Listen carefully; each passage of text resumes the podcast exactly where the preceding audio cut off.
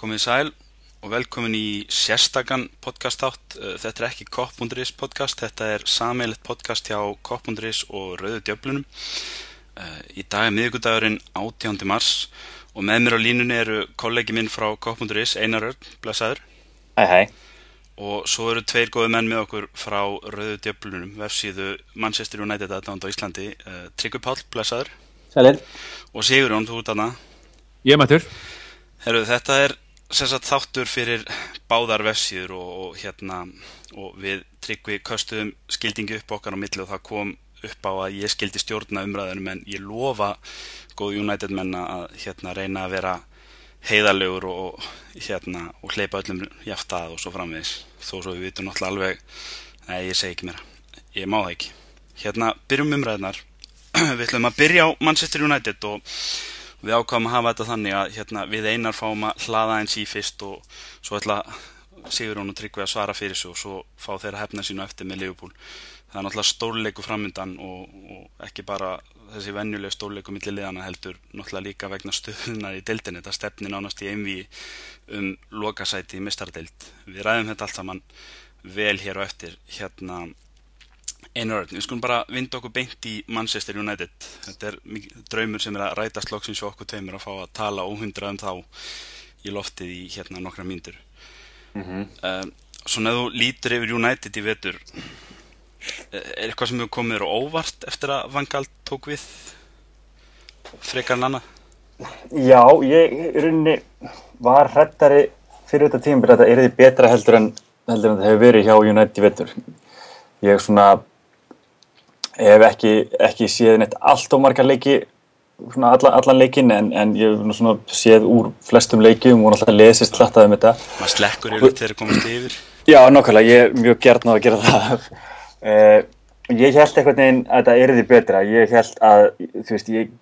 hefði aldrei svona, ég minu viltistu draumi um að ég geta vonast til þess að Falcao og, og Di Maria væri svona svona slappir eins og þeirra að veri, sérstaklega náttúrulega Falcao sem er náttúrulega bara ekki búin að geta neitt og, og menn eins og Van Persie séu bara, verist bara vera svona hálfpartin búnir. Já. þannig að uh, klála hefur komið óvart hvað er hafa verið slappir í vetur en samt þá eru þeir ótrúlega góður verist verið, já, halin stík og það er hérna það er allavega svona hefur, hefur allavega haldið um þannig að þeir eru í allavega sér baráttu um meistaraldarsæti að mér veist þessi spílamennska uh, hafi verið svona eins og ofta tíði mjög, mjög slöpp sko. Já, hérna náttúrulega þeir voru frábæri kannski síðasta leik sem tóttinaleik en, en þá kannski eftir að koma í ljós hvort að hann var undatekningin sem sanna regluna eða, eða eitthvað varanlega breytinga hjá United undir Fangal en, en ég er sammálaður því að sko ef maður skoður líka leikmannakaupið er á síðustu leiktíð neða á síðast ári hérna þeir náttúrulega keftu líka Juan Mata í janúari fyrra og hlaða svo í eins og þú segir Falcao og Di Maria um sumarið og þeir eru með Janusæ hérna líka og Og, og hérna Herrera og Daily Blind. Ég minna þetta eru svaka kanónu sem þeir keftu á meðan þeir keftu og lítið í vörnina og ekkert kannski neinn hvorki stórun öfn í eitthvað svona svakaleg talent. Og, og hérna svona uppálsetningi mínum United síðasta sumar var að þeir væri að kaupa sér solgleru þegar þeir væri að drukna hérna en, en svo einhvern veginn hefur þetta spilast akkurat öfugt við það sem maður held maður held að þetta væri lið sem maður myndi veist, leka endalust inn að mörgum og tapa fullt að leikum en vera alltaf skemmtilegir og skora mörg. En það verður akkurat aukt eins og þú segir. Þetta er svona hnóðast áfram í 1-0 sigurum og, og seglu sem að svona liftið þeim upp í þann stað sem þeir eru en, en svo náttúrulega spurningin ég meina þú veist er það nóg fyrir United menn? Kannski fann galveru dæmdur að hvort hann nær þessu fjóðarsæti eða ekki? Ég held alltaf svona langt flestir United menn sem er að lækka standardin alveg sko, alls svaðarlega á, síðustu tveimur ára. Já, þeir ætluðu bara í titilbaráttu með að við leikmannaköpin, ég veit að þeir mútmælaði á eftir en, en það var bara staðirinn, þeir voru borubrættir í ágúst. Já, og það er einnig svona, ég veit að stóra klúðurinn hjá Ferguson er að það er einnig skilja ekki einhvern veginn betur við þetta vegna þess að, að þetta liður þetta búið að vera ótrúlega ótrúlega mikill nýðuleg síðustu tvö ár og, og veist, að mínum að þið er þessi staði í dildinni þeirra staði í dildinni þessi ennþá í hvað er í konin í fjórðarsæti núna eða ekki Jú. svona á, ákveðin að hilma yfir hversu, sko, hversu slaft það hefur verið og, og, og hérna og, og eins og við tölum nú oft um þetta hérna hvernig svona síðustu árunars Ferguson að maður einnig skildi ekki í þessu og ég á United vinni sem ég sagði við um bara sko það sem er sem United hefur er Ferguson. Það er bara, þú veist, hann einhvern veginn er búin að búa til einhvern kultúr og menn bara hafa því líka ofur trú á sjálfum sér að það skila sér í sigurum þráttur að hópurinn sé ég er unni ekki ekki tilstaklega góður og það er að ljósta þessu hópur sem hann skildi við með var, var alls, alls ekkert náðu góður, allt, vörðnin var alveg á síðustu metrunum og engin, engin sterkir miðjumenn og, og, og hérna Já, og svona og þannig að hérna en, já, þannig að, að þetta er svona, þetta er ótrúlega mikill munur og maður, og maður er auðvitað aðlægast svona okkar væntingar til nefnmanna, til léna ellisins hafa líka aðlægast mjög mikið, maður var drullur höttur við þetta leið fyrir fyrir tveimur árum en, en núna held ég að svona flestlið fara inn, inn í það gegnum að, að halda að þið geti unnið. Já, nákvæmlega. Ég hérna, við förum að opna umræðinar, ég veit að strákana klæðir í tunguna að komast að. Hérna, einar, sko það sem að kannski hræði mig mest við United sem svona okkar Leopold sjónurhald. Ef þú rifjar upp, hérna, þó svo við viljum það helst ekki þessum þætti fyrir sex árum þegar að Leopold var síðast að berjast um titilega ykkur alvöru að þá var basl á United þanga til að Liverpool vinnur þá Old Trafford og ógnar þeim svona, þú veist þú veist, á gatt Ferguson ekki lengur gert lítið úr þessu, Liverpool var komið í baróttuna og United vogaði sér ekki að mistiða sér aftur og þeir líka bara mistiðu sér ekkert aftur. Og þegar ég var að skoða aðeins formtöfluna fyrir þennan þátt að við náttúrulega einblínum alltaf svo á Liverpool en núna skoða í United líka og þeir náttúrulega ná tíu steg af fórskoti á Leopold þegar þeir vinna Leopold Old Trafford í desember. Og það eru þrýr mánuði núna rúmir síðan og Leopold er búið að saksa átta þessum tíu stegum tilbaka. En þeir söksuðu fimmaðin tilbaka sko á sagt, hérna, eiginlega bara strax fram í janúar en síðan eru bara búin að saksa þrjú. Og það er bara eitt tapleiku síðustu sko formtablan er Leopold Arsenal er búin að vinna fimm leikir en United er búin að vinna fjóra af síðustu fimm. Já. og þú veist, ef það er eitthvað sem sæði mig þá er það það, veist, að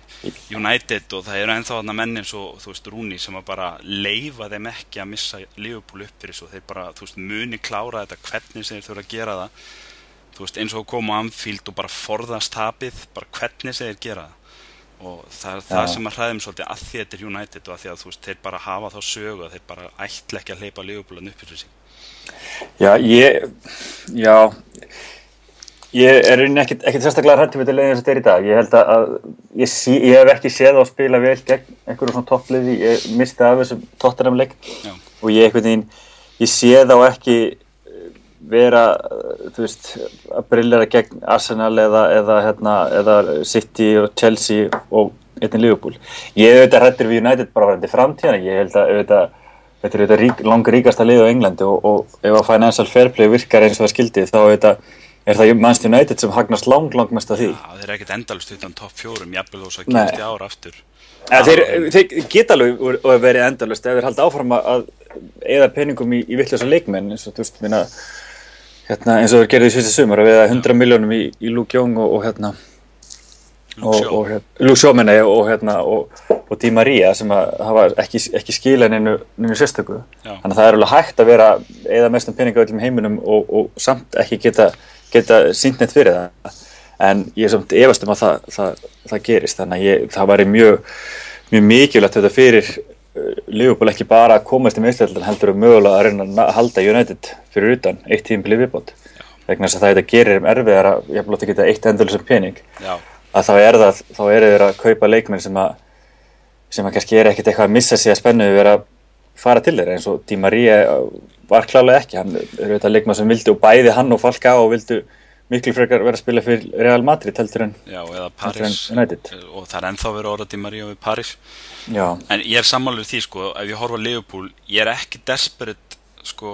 upp á einhverja framtíðarsýn að Leopold komist inn í mistarallitina núna, mér langar í mistarallitina þessum er ég desperate. En, en ég held að Leopold sé ekkert að fara veist, það, það er ekkert högg á liðið eins og Leopold er í dag að missa að mistaradeild, það er engin svona svari sem er að hóta því að fara Ek, ekkert svolítið, þú veist, ég, ég, þú veist, ég tröll að trú á Leopold á næstu leiktíð en, en ég er desperate að komast í þetta fjórðasæti að því að það er United sem gæti mögulega að mista, eins og þú segir, það gæti verið talsett högg fyrir þá. En hérna, að því að við skulum koma strákunum minni þetta, við erum búin að núna svona Gæti líka, gæti líka svo gæti, ef, að, ef að City var að vera dætt úr svona baka þá getur það líka verið rosalega áfall fyrir City. Vegna þess að þeir eru í bullandi vandraðum með þetta financial fair play dæm og þeir eru með lið sem er sko hund gamalt Þeir eru að endur nýjun og þeir Já, geta ekki gert það nema Það var enga leikmenn sem þeir geta selgt á okkur almennan pening. Allir, leik, allir svona þeirra bestu leikmenn eru 28, 29, 30 þeir getur verið í vandraðum ef þeir myndu missa af að komast í mistildina. Ég, þú veist, ég get ekki endalist millifært eitthvað bulltekjur hérna frá, frá Etihad og eitthvað svona. Já, ég get ekki gert þóttavila samning við Abu Dhabi þóttafyrirtæki fleflega og 50 miljonar putta, þeir retta sér á endanum sko, en það náttúrulega væri slæmt fyrir þá. Svona fyrir utan United, þá væri kannski helst kjósandi að þeir myndi detta á top 4. En Sigurjón og Tryggvi, ég koma ykkur inn í þetta. Sigurjón, Einar nefnir yngöpastefnuna hjá United hérna, hvernig horfir síðasta sumar við ykkur svona núna? Með kannski brasið á Di Maria og Falcao undafarið en, en á móti kemur að menni svo blind og lúksjóður að stimpla sér kannski betur inn en gerur fyrir árumund Já, ég meina það er ekkert að neyta því að Falcao hefur verið veist, gríðarlega vonbreiði þegar ég sá hérna, fyrsta lagi trúði ekki í marga vikur að eftir að hann var keftur að hann væri í raun raun vera hérna, United leikmaður Já. því að veist, maðurinn hefur sínt það í gegnum tíðin að hann sko, skorar að vild þannig að, hérna, þetta er náttúrulega bara tölvöld áfall fyrir okkur öll En, en, en þú hvað veldur því að hann skorar ekki? Er þetta England? Er þetta Van Gaal? Er þetta Meislin? Er þetta kannski blanda af öllu þrennu? Blanda af öllu þrennu því að sko við erum, sem, við erum með sko, menn tala mikið um það að þetta hafi verið svona kaup eins og til dæmis matakaupin sem að voru gerð af undir Moyes, það sem hann kaupir raun og veru eins og þú talar, eins og þú vilt nefna sólkleru á meðan það er að drökkuna, þetta er leikmaði sem að var keiftur bara vegna þess að, eða þú veist, en náttúrulega á lánsamning, en hann var fenginn til þess að hérna bara út af því að hann stóð til bóða, þetta er náttúrulega ekki rétt í leikmaðurinn beint fyrir United því að erum með, þú veist, Van Persie hérna frammeð sem er mjög svipaðu framherri Já og þeir svona verðast bara einhvern veginn kansala hvern annan út einhvern veginn þegar þeir spila saman sko. nú, svo er náttúrulega meðslin þetta eru gríðarlega erfi meðsli að eiga við að hérna að bara springja sér nýið eins og hann gerði sko. Og hérna við séum það til dæmis þegar við tala um Derek Rose hérna körupoltarleikmann í Chicago Bulls. Hann er búin að vera í bölguði basli í undanferðin bara tvö ár Já, díla, díla, Michael Owen er annar sem var aldrei samur eftir svona meðsli Akkurat, akkurat. Þessi sömmisli, þekkja nú báði, bæði sett af aðdándum hann vel. Og svo er það þriði aðrið sem þú nefnir að hérna, hann er náttúrulega, England er töluvert svona öðruvísi land þegar það kemur að spila með sko og hörku og svo framvegis, hérna heldur en Spátner og Portugal og, og Frakland, það sem hann hefur verið að spila og tala um Jum Kolumbíu það sem hann, sem hann er fattur upp alinn þannig að hérna það er greiðalegu faktor líka og, hérna, og það er raun og veru faktorin sem held ég hefur mest áhrif á Di Maria. Það er bara svona Di, Di Maria er lítill og nettur fyrst léttur knastmyndir maður og hann er svona vennjast þessu kultúr og, og öllu þessu dóti og, hérna, og við tölum reyndar um það svolítið í okkar eigin podcast um daginn að hann lendi þarna í svolítið personlegu atviki það sem hafa brotist inn hjá hann og, og fleira og ég menna þetta eru mennskir. Í mannsestir Já, í Manchester. Já, bara welcome to the Northwest. Já, akkurat, en þú veist. Meiri hlutin held ég að leikmenn sem spila fyrir Manchester-liðin og Liverpool-liðin í þessu. Þetta er ekkert grín, sko. Nei, og þetta hefur, getur alveg haft áhrif á kollin á mönnum, sko. Já. Og hérna, og það verður náttúrulega að taka það svolítið inn í faktor. En ég, svona, Di Maria kannski fór full hratt á stað kannski í eðska bóltarum. Það, það er að segja fyrstu 5-6 leikin sem að spila, það sem hann var bara alveg, bara ótrúlega góður og, hérna, og síðan hefur hann svona dala svolítið eftir það. En, hérna, en ég held að allavega við United menn erum svona kannski mun meira afslappaðir Gagvar Di Maria og kannski vonust meira til þess að hann komi aftur svona með sitt rétta andlita næsta ári og meðan hins vegar Falcao er bara virðist alltaf að vera bara flopp reyna en við höfum þó smá, smá tíma en þá til þess að ef maður setur þrenni í hverjum þessar leik núna sem eftir er þá kannski Sjá til Heldur það á hans séns? Ég meina, ef, að maður hans, þú veist, við erum kannski ekki þrenni hverjanleik, maður hans skilja áttamörkum fram á voru og þau séu drúi að tryggja ykkur mestaröldildsæti fær hann annan séns fyrir það? ég held að ég held að kannski þjálfari teimi sjáu það að kannski þeir virka ekki saman Van Persie og, og hérna og Falcao hvort þá Falcao verið tekin inn og Van Persie látið fara sem er mjög ólíklegt það sem að Van Persie verið þeirra uppáhalds hérna bara manneskja Van Gaal bara í hans lífi sko. Að þá þykir það ólíklegt en hérna en sko það vita allir um getu Falcao þannig að ef hann fer að sína það að hann er að koma tilbaka og svo framvegis þá ætlum ég ekki að, að setja neitt pening undir það hvort að hann verði þú veist skilað eða hvort að hann verði kiftur já, ég held að það sé bara allt opið í raun og veru í þeim efnum. Já, hérna Tryggvi Páll Ertu, viltu hérna koma með ansvar við ykkur af því sem við einar sögðum eða, eða hvað viltu segja um málið?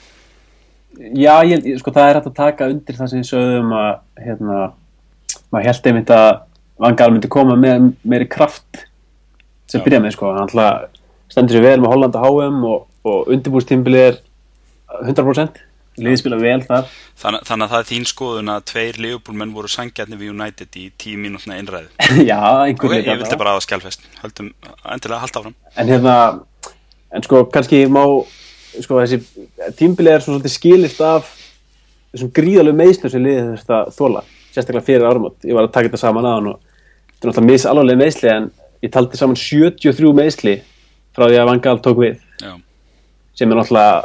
ókvæðileg tala og miðverðinu okkar og varnamenn virðast vera sérstaklega brótættir eh, frá janúar höfum við verið með sko 13 mismundi miðvarsamsetningar já, 13 á meðan þú veist Chelsea Southampton þessi lið sem eru góð í vördunni eru kannski keira á sömu tveim, þreim mönnum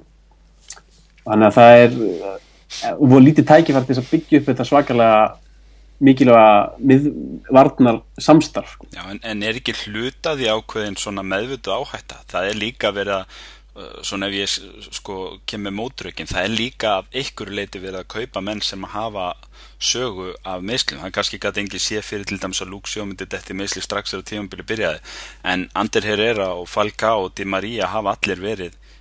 í náttúrulega Falcao svona sá sem hefur verið með svona stærstu og erfustu meðslin en hínir hafa verið mjög gjarnir á að detta út alltaf eins og Di Maria, hann var alltaf að detta út í þú veist, tvær vikur og mánuð og eitthvað svona hjá Real með alls konar hnjask og, og annað veist, það, það, það er ekki eins og það hefur verið að kaupa þú veist, fimm óbrótanlega og, og svo komið ykkur í opna skjöldu að þeir hafi klikkaði það Nei, nei, það getur vel Það verið að menn, eins og þú segir, þegar það eru 73 meðsli yfir veturinn, þá hljóta menn að spyrja spurninga, hvað eru við að gera vittlust? Já, ég veit að þau eru alltaf verið gríðarlega umræðan hvort þetta sé vangal eða hvort þetta sé eitthvað annað það er svo sem er þetta að segja nákvæmlega. æfingarsvæðið eða vera að kaupa mittaleikmenn eða en eða þetta er kannski tengist aðalega vörninni samt sko, af því það, þar hafa menn verið gríðarlega brotættir Já, og hann sagði nú reyndar líka viðtalið eftir leikjum gegn Tottenham að þegar maður spurði því að hann, hann spurði því hvort hann hefði ekki gaman að því að skipta um svona leikkerfi oft á, á tíðum og hann hló bara og sagði bara nei, ég hef ekkert gaman að því ég þurfti að gera það vegna meðsla já, þannig að það er svona sko, þessi, við erum alltaf byrjuðum fyrir eitthvað illa Já. og meitum, áður en tímabili byrjaði voru nýju, tíu leikmenn meittir og hérna þeir fóru seint að stað á leikmennumarkaðanum, kannski að því að það var HM og Vangal byrjaði ekki fyrir hvað 15. 16. júli og hérna þannig að eftir, ef við tekum bara eftir að leikmennuglöggin lokaði þá hefur liðinu gengir henni mjög vel sko. Það er bara Chelsea sem er búin að fá fleiri stig frá að leikmennuglöggin lokaði í september. Já, Þannig að það er, þú veist, ok, þetta lítur ofta tíðum ekkert sérstaklega vel út, en, en svona heldin litið er, er þetta búið að vera þokkalegt, ekki, eins og segja, maður held að þetta er meiri, þetta er þið betra, að, að lofa þessu svakalega góðu þeim sem byrja með,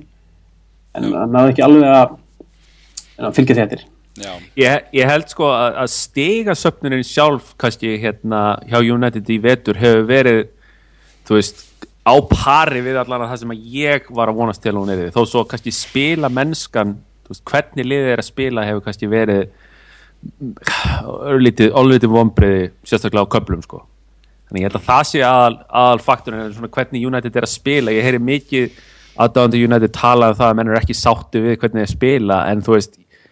á meðan þeir eru að klára þessa leiki og hérna og, veist, og, og, og taka þessa sigra, svo ég segi nú bara veist, eins, og, og Liverpool tók sigur gegn Swansea, skilur að hérna, taka allan að sigurinn. Og, og það er það sem er í raun og veru það var ekki að gerast undir undir Moyes til dæmis. Nei, já, þegar við erum að vinna nokkra leiki vetur þar sem að menn hafa sagt, veist, þessu, þessu að við tapaði fyrra alveg klálega og, og, og Liverpool, það er kannski svona skarpari uh, skil hjá Liverpool að við höfum verið að vinna nokkra leiki núna undarfærið það sem að maður hefur sagt, þú veist, þegar við tapaði þessu fyrir áramót. En, en það virðist allavega að vera svona sigla í United sem var ekki til staðar í fyrra. Það er spurning hvort að þjálfarin eigi hluta því eða hvort að menn séu reynilega bara uh, reynslunni ríkari eftir að hafa runni á raskati í fyrra. Já, ég held að kl- klálega hafi þjálfar þar einhver áhrif. Menn, menn verðast aldrei hafa keift það sem Móis var að gera. En sko eh, það er ekki annað að sjá en það að menn sé 100% bak við Van Gaal og, og ég menna eins og besta dæmi var leikur um þetta City sem tapaðist reyndar. Uh, Smalling fekk rautspjald á eftir hálftíma leik og maður bara bjóst við því að allt myndi gjössalega hrinja en þvert á móti þeir gáðu bara í og áttu skilja jafnvel bara sigra þann leik. Já. og þannig að þú veist, já, ég held að klálega hafi þjálfarinn áhrif þar. Hérna Einar Örn, uh, að mínum mati þá liggur ákvörum fyrir hjá United í sumar og hérna ég ætla að spyrja strákana líka en, en, en segjum að þú sért Van Gaal og þú þurfir að gera það sem er gott fyrir United í sumar sem ég veit langar ekki til að gera. Hvað gerir þú Rooney, Van Persie og, og hérna Falcao? Ég er að það fyrir mér er þessi Rooney á miðjunni tilvun bara búin að klúður þeim og, og að- kannski einhverju leiti ástæðan fyrir þeir eru búin að rétta úr kútnum undafarið að Rooney er farin að spila frammi Já, ég veit ekki, ég hérna, held náttúrulega að þessi aldrei að fara að kaupa Falcá, mér finnst einhvern veginn það að vera mjög langsótt, þannig ég held að menn leysinu bara vandamálið, vandamálið þannig, sko. Já, en hvað með Van Persie þá, Rúni? Er það frá, Já. heldur, erum við hrættu við United á næsta leiktið ef að það er sóknarlína, er að þeir tveir? Van Persie Nei. með sína meðslasögu og komin í vel yfir þrítugt og, Já, þú veist, fann Bössi hvað, þú veist, 32 eða eitthvað álíka, en veist, fyrir, fyrir framherja hjá toppliði, þá er það ekkert eitthvað svona rosalega svona upplýfgandi að hafa svona gamlan mann það frammi. já, þannig að hérna ég veit ekki eins ég, ég myndi segja að veri klálega já, að, að Rúni væri svona helst, helsti fókusin og, og fann Pössi mun svona kannski minga áhrifin í honum og, og, og svona hans impact á þetta lið og, og Falka á veri bara myndi fara ég held held þeir svona ég held alveg að þeir muni leita að öðrum framherja vegna þess að þú veist, Rúni er líka þú veist, hann Já. er veist, orðin þrítugur eða eitthvað þú veist, þetta er hérna, þetta er ekkit ungir leikmenn já, nákvæmlega Rúni, Rúni, þú veist, er búin að vera í, þú veist, ykkur, þú veist 14 ár. Já, ég menn hann er undir 30 en með að við spila mínútur þá er hann 35 ára. Já, já, Þannig að hann tala, byrjaði svo snemma og það telur. Já, menn er að tala um þetta, þú veist, mjög mikið svona í, þú veist, í, eins og maður horfður mikið á með, með korfubólta, menn er að ræða um, þú veist, Já. ekki bara aldurinn, heldur líka bara spilaða mínútur, þú veist, að taka þessu LeBron James og svona sem eru að, eru kannski bara þrítugur en, en búin að spila sem, veist, þessu geðsuglingu sem hann var átjónara, sko. Já, nákvæmlega. Á, efst, á efst, efsta leveli sko. það er alltaf öðruvísi ef, að- ef að Rúni hefði verið að spila þetta með úlíkaliðinu þá hann var tvítur en hann var, þú veist hann var byrjað að spila á fullu þegar hann var veist, hvað, 17 ára eða eitthvað Já, nákvæmlega. Hérna, ef við þá ekki bara að byrja herferðina? Sigrún, hérna uh, við eigum strækjarum fyrir ykkur að við þurfum nýjan mann í sumar. Hann er ungur og, og ástriðufullur og, og virkur á Instagram og hérna, hann þarf bara að rétta þjálfaran til að elska sig, má bjóða ykkur Balotelli Nei takk, ég ætla að sleppa því bara, alveg. Ok, umræðinu bara loki næsta spurning. Hva, hvað finnst þér um frammeiri Hva, hvað viltu sjá United gera í sumar? Eh, er Van Persie framtíðamæður í þessu liði eins mikið og Fangal elskar hann? Nei, nei, ég, ég hef alltaf verið hérna, mikil talsmaður þess að láta Rúni spila frammi og bara, og bara frammi. Og hérna, ég vil sjá hann sem bara framherja nummer eitt hjá United að, og hann hefur sínt það í sístu leikjum að hann er það. Uh, sko Van Persie það er margþættir hérna vesenið á, á Van Persie. Uh, hann er mjög sko, hvernig hann spilar framherjan er, er svona mjög sérstætt og hann þarf ákveðna þjónustu til þess að hérna, til þess að klára sín færi. Hann er mikið í þessum hlaupum það sem hann hangir á veist, öxlin á varnamannum og snýsir sér rættið og er komin veist, í, og býsti þessari sendingu lungu sendingu inn fyrir eða whatever til þess að hérna, til þess að skapa færi. Og hann hefur ekki verið að fá það bara nokkuð skapaðan hlut sem er svolítið spes vegna þess að þú veist hollendingar verið að spila svona þegar að Robben er ekki bara að klappa boltanum endalust þá verið þeir svolítið verið að leita eftir svolítið slöpum og sendingum frá Van Persie. Já. en það hefur vant algjörlega svolítið þjónustu við hann. Þannig að sko ég held að Van Persie hann skilaði okkur titli fyrsta ári sem hann sem hann spilaði fyrir United. Þannig ég verð honum æfilega þakkláttur fyrir það. En hérna ég held að sé svona kannski komið tími á að fara að leita þú veist, eitthvað annað sko. Og þessina var ég svo svakalega hérna eh, sko Bjart sín varandi þetta þessi Falcao lán að hann myndi koma á raði mörkunum og verið síðan bara kiftur og bara, það er bara match made in heaven sko og hérna þannig að ef að það gengur ekki upp að þá þá er alveg spurningu um að fara að leita eftir, eftir einum heimsklassa frammerja Já. því að ég held að Wilson sé ekki alveg klár í þetta ennþá og Nei. hann er hérna þannig að já, ég myndi svona segja það að, hérna, í, kannski ekki að fýra Van Persie en hann kannski er kannski komin í svona það, það, tím, svona, það stað það sem ætti kannski að fara að face honum út eitthvað aðeins, aðeins meira sko. Já, en, já, en hann er kannski allavega ekki svona definite starter á næsta tímabili jafnvel þó sem verði áfram að þá er kannski spurningin um að það vanti annan af Rúni Kaliburinu við hliðin og honum með Wilson ungan og, og kannski Van Persie þegar hann er heill sem svona reynslu kost með Já, sérstaklega það er náttúrulega fyrir svolítið eftir því ef að United ætlar að spila með einn eða tvo framherja sko. þannig að hérna, þú veist, ef þeir ætlar að spila með einn þá myndi ég segja að Rúni væri bara fyrsti kostur og Van Persie backup ef þeir eru með tvo þú veist, þá myndi ég setja Rúni og svo Van Persie og þá eitthvað með honum kannski í, í róteringur sko, eitthvað við Já, hérna, Tryggvi, sammála þessu? Já, ég held að þessi, þessi sammála þessu, sko, Van Persie á eitt ár, eh, hann verður samlingan sennur út eftir næsta tímbil. Já,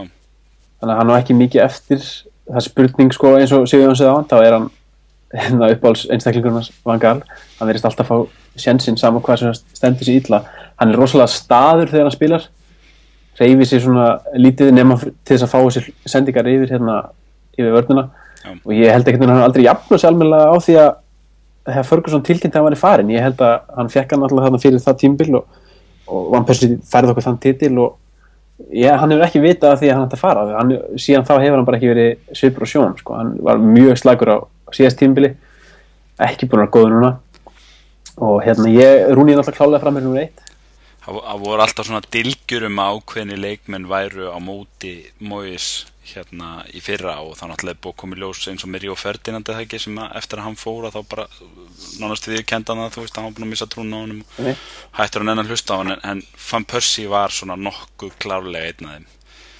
Já, en hann var fyrir ekki. Ég segi hann var veist, meittur fór til Hollands, var lengi í Hollandi og, og var fljótlega mættur með, á leiki með Van Gaal svona þegar var verið að orða Móis burt sko þannig að hann er uh, hann er, er hollenskur, ekki orðað þannig er það? Æ, Ég ætla bara að segja að veist, uh, hann hlýtur, hann, hann getur alltaf að hafa vitað því að Ferguson ætla að hætta sko, vegna þess að hann myndi alltaf að hafa farið í gegnum þetta allt, þú veist, ef hann bara, fengið bara eitt tíðinbíl á Ferguson, hann Já, myndi að vita hennan að þetta titil væri- sem, að, sem að hann var að leta eftir en, en, en ég held svona, hann er hataður hjá Arsenal þar sem hann átti sín bestu ár ég held að hann hefði ekki farið ef hann hefði vitað bara að það, er eitthvað svona eitthvað uppbyggingar. Já, Nei, en sko, en flesti leikmenn hefðu nú líklega geta sætt sér við þá og haldið áfram, en hann er eitthvað aldrei jafna sem á því. Nei, ég, ég held að sé ekki tægt að dæma hann fyrir að hafa farið til United. Ég hafa klálega rétt ákvörðun að fara frá Arsenal til United og vinna titil þar en, en svo eins og strákunni segja veist, hann gatt held ég ómögulega að vita ári fyrir að Ferguson var að fara þegar að vissið Ja, hann- engin nánast fyrir að Ferguson tilkynntaði morið eftir. Hann, hann hefði klálega verið búin að vinna kannski 2-3 titla ef hann hefði farið til City. Já, hann algjörlega snýrið þessum titli sem að United unnu. Já klárlega, klárlega, hann, hann var hérna svona en ekki það er mér síki ég, hann styrkir Nei, nei. Hérna, uh, loka spurning frá mér allavega, uh, Fangal, Sigurún, hérna, hann náttúrulega er látin hætta með bæinn, gerir ekkert í ár, hérna, er svo, þú veist, hann er ekkert að hylla mikið með hollenska lið, en slær svo óvænt í gegn svona með þeim á, hérna, HM. og á nokkra frábæra leiki þar og sko svo þegar maður hugsaður um það svona eftir á núna að, og við einur þekkjum hollenska liði mjög vel og því náttúrulega líka að hérna, þetta var svona kannski lélegasta kynnslóð hollendinga lengi segja þér, þú veist, Robben og, og Van Persie yfir, yfir 30 og, og, og Kátorinn svona einhver auka leikmaður sem, a, sem að reyndar síðan stimplaði þessu óvænt inn sem einhver, einhver svona hérna þúsund þjala smiður fyrir hann á HM og ekki mikið og marga stjórnur þessu affelagi og, og fleiri og búin að svona fölna. Og hérna getur verið að þetta háum í fyrra hafi kannski gert menn spenntari heldur en þeir kannski hefðu átt að vera fyrir Vangal, menn kannski heldur Vangal kom inn og svo eru tvö stórnöfn þannig að kifti ágúst að nú þú veist, þú væri bara good times Old Trafford en, en það var kannski aldrei í spilunum, sérstaklega ekki að því að hann hefur sögur sem mjög pragmatískur þjálfari frekar en eitthvað svona hérna, dream team þjálfari, sigur hann Sko Hefur þú trú á, þú veist, það er kannski það sem ég er að spyrja Hefur þú trú á því að þetta sé maður sem að sko, þú veist, glemum fjórasætunni þú veist, að Liverpool, neða United sé að fara að berjast um titilin aftur á næstu einu eða tveimur árun, undir hans stjórn? Sko Van Gaal er að mínum að þjálfari sem að er alveg hægt að setja í sama flokk og þú veist Ancelotti eða Capello eða Guardiola eða þú veist, neymið sko. Ég meina hann, er, hann hefur sko sífi upp á það, að, upp á árangur og ekkert annað en árangur sko. Þannig að ég held sko ég held að við vorum öll að vonast til þess að þú veist þess að, að nafn úr þeim potti erði kæmi upp um leið og Ferguson sagðist að hann ætlaði að hætta svo kemur Moyes og það var ég veit að margi voru bara að reyna að færa það eitthvað í einhverju sjokki sko að já, já, þetta er flott ráðning og eitthvað svona sko já. en hérna sko, þannig að í raun og veru var sko, mann gal þjálfara kap, sko kap, kapilér sem að hérna við vildum fá strax sko. Og ég tel hann vera á því kaliberi. En, var, en, en þú veist, var hann kaliberi sem þið þurftu til að rétta skútunum við eftir móis eða er hann kaliberi til langstíma til þess að veist, koma líðun aftur í fremstu röð? Ég held að hann sé kannski svona meira ég sé hann ekki fyrir mig þarna í einhver sko tíu ár sko. En hérna ég held að næstu þú veist þrjú fjögur ár hann verði kannski rétt í maður til þess að þess hann hefur þessa filosofíu að þú veist að nota unga leikmenn og svo framvegð sem sem að United hefur hérna er svolítið mikilvægt fyrir klubbin sko. Þannig að hann fellur vel inn í klubbin þannig sko. Og ok, svo kemur þetta HM í sömar sem að ég man alltaf því þegar ég leit á hópin í hollendingum þú veist fyrir HM þá sagði ég bara, held ég á Twitter bara, veist, þetta liða á ekki eftir að, þú veist, að fara upp úr riðlurum sko. Og þannig að það kom svo sannlega óvart að sjá hversu vel þeir voru að spila, þú veist, á HM og þetta náttúrulega gerði mann að sjálfsögðu gerði mann mjög spöndan fyrir því sem að koma skal sko Já. en það var samt ekki sko, ég veit að þið töluðu það hérna í byrjun á þessu pokasti að hérna United menn hafi verið mjög kokki og, og verið að tala um bara titilvonur og, og, og hluti sko ég veit að það er alltaf einhverju svoleiðis hérna, svoleiðis draumorar menn sko í öllum liðum Já. en hérna ég þú veist þetta, var alveg klárt mála hérna að hann myndi ekki skil, fara að skila tittlum bara á fyrsta tímafélagi, það var svona meira bara almennt að snúa við hugafarinu sem virtist vera bara komið í eitthvað gröð sko hjá leikmennum og, og, og taka þátt í þessari uppbyggingu sem að virtist vera, þú veist, það voru allir komnir á aldur hérna veist, Evra og Vidic og Río og allir þessi kallar og það þurfti að fara í allsherjar yfir halningu og þess vegna fannst mér sko sífið hjá Valn Gal bara ansi stert í það að fara í svoleiðis vinnu sko. Já, ég, ég, ég get tekið aðeins undir þetta með þér, ég sé fyrir mér að hann sko, þú náttúrulega nefnir hérna, hérna varnar hetjurnar sem að fóra allar á síðast ári, þetta var ekkert engin smá reynsla að missa. Og hérna takk ég eftir Leopoldmenn að þeir eru að missa svipa reynslu núna undafarið Karrager, Akker og, og nú eru bæði Gerrard og vantilega Glenn Johnson að fara hérna, það er meirinn að segja það bæti upp svona reynsluð jáfnveg þó svo að menn séu kannski uh, svipur hjá sjón í getu eins og Ríó var orðin undir það síðasta. En fyrir mér er þessum svona kannski kynnslóðaskipti mjög United langt í frá lokið og þetta verða jafnvel þó svo að United séu góðir á næstu tveimur árum þá sé ég samt fyrir mér að er verið brotættir á meðan það er verið að reyna svona komið nýri kynnslóð og kannski jafnvel ákveða hvað á lið að verða veist, til framtíðari á þetta að vera veist, hérna, svona eitthvað grasrótar lið eins og Arsenal og Liverpool er að reyna að gera á þetta að vera stjórnulið eins og Chelsea og City er að reyna að gera. Og þetta getur bara reynilega að tekja tíma að átt að sá þessu hérna tryggvi. Loka orðið um fangal